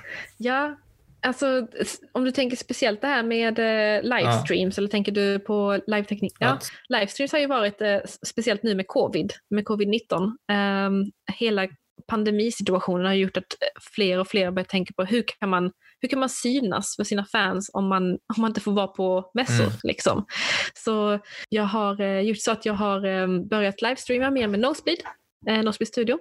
Och jag har också börjat livestreama med Tokyo-pop eh, där vi gör så här manga-kurser där vi håller, pratar om hur man tecknar manga. Mm. Eh, och det har ju varit kul. Eh, jag tror speciellt att en hel del av de här passionerade mangafansen som, har, som, som brukar åka på varenda mangakonvent och alltid kommer upp till Nosebleeds bord och säger hej, de har fått ut Ja. någonting av det. Vi har inte fått så mycket tror jag, nya fans Mm. på det, men, eh, men eh, jag tror också att det är alltså livestream, precis som din podcast, allting som man gör på nätet nu eh, har ett eko. Mm. Därför att man vet inte när det sprids igen, när det kan komma en ny våg och sen så plötsligt så är det många som tittar Ja. på just den här eller lyssnar på den. Bara, det är Ja. bara kontinuitet som gäller liksom. ja, jag Mm. har haft lite, eftersom jag har varit upptagen med lite annat så har det inte kommit jättemånga avsnitt av podcasten men förhoppningsvis ska vi fortsätta lite då och då. Jag tycker du har haft, jag tycker du har haft jättemycket avsnitt Ja. för att vara ett enmansprojekt. Liksom. Ja, men jag, pressade, jag pressade ju typ tre, fyra på en gång i, eh, en vecka under Ja. sommaren också. Så att, eh, så att jag skulle ha Ja. lite flera på en gång där. Men eh, ja, just nu finns den bara på YouTube men jag har planer på att försöka få upp den på iTunes och sånt där. Bara jag Mm. har orken att fixa en ny hemsida och plats för, för, för, för dem. För avsnitten på hemsidan också. Ja, jag tror att eh, allt sånt där, eh, speciellt om du kommer upp i RS-feeds, så att RSS-feeds, så att folk börjar hitta dig i sina appar. Jag har en podcast-app där, där jag liksom hittar massa nya podcasts. Liksom. Eh, men det är en hel värld i sig. Så det har vi ju märkt med livestreamandet, att det är, att det är liksom nya saker man måste lära sig. Inte bara tekniken, utan också eh, alltså själva algoritmer och Ja. hur, hur allting länkas. Liksom. Det är mycket man ska Så, göra. Eh, Jag tänkte att Det är mycket Ja. man ska göra. jag tror att eh, vi kanske ska börja avrunda nu. Eh, Mm. Är det något mer som du vill tillägga som, som vi har glömt eller någonting du vill berätta? Eller? Mm, jag vet inte hur mycket mer jag ska säga, men eh, jag kan säga att det händer saker på, med Amalthea Mm. som jag tycker är rätt kul. Som är, och jag kanske inte ska avslöja för mycket, men eh, just nu så eh, är mitt nästa mål att börja pitcha den för film. Eh, Häftigt. och det hade varit Ja. riktigt häftigt. Så att, eh, just nu så har jag, jag har gått Gunnar Krantz som är serietecknare och eh, professor i serier på Malmö universitet. Han hade en kurs nu i somras som hette Från serie till film, Mm. tror jag den hette. ehm, som var i samarbete med Film i Skåne som är en, en intresseorganisation för filmproducenter och utvecklare. Eh, och den resulterade i ett pitch-event med fyra fyra producenter, skånska producenter och eh, åtta stycken serieprojekt, eller Mm. sju stycken serieprojekt där vi fick pitcha våra serier. Och eh, det ledde ju ändå till lite kontakter. Liksom. Eh, så jag, och, in, och insikter. Mm. Liksom. Så just nu så är jag i läget, och speciellt också eftersom att Tokyopop har ju sin placering i Hollywood, eh, eller nära Hollywood, så är det mm, liksom, ja, men nästa steg att försöka pitcha den åt det hållet. Det är mycket serier som blir omgjorda till film och Mm. tv-serier, så att jag tror att det är rätt i tiden. Jo, det, det, Ehm, det Så det, kan det vara. ja. Det blir intressant att se vad som händer. Filmvärlden är lite så verkligen. alltid osäker känner jag. Jag har inte hört många som haft eh, projekt, serietecknare också som har haft projekt men som bara legat still i flera år. Sen bara rann ut. Men Mm. jag hoppas det går bra i alla fall. Med att det får Ja, sig. jag, jag, eh, jag är inte den som ger upp i första taget. Mm. Nej, det märks. Det märks. Du väldigt, eh, har väldigt drag. Så att du kämpar verkligen. Jag, tror, jag, jag, jag tror jag skulle säga att jag har lätt ADHD. Mm. jag kan inte sitta still. Um, så att, ja, något sånt. Men eh, jag vill eh, tacka jättemycket för det här eh, samtalet, Nathalie. Det var Ja, jättekul. det var väldigt trevligt. Eh, Och så får vi höras av när dagen kommer då Nosebleed kan släppa in mer titlar. visst, så kanske vi kan visst. släppa Det in ordbildens titlar. Det hade varit superkul. tack så mycket. Nice. Hej då. Tack, hej.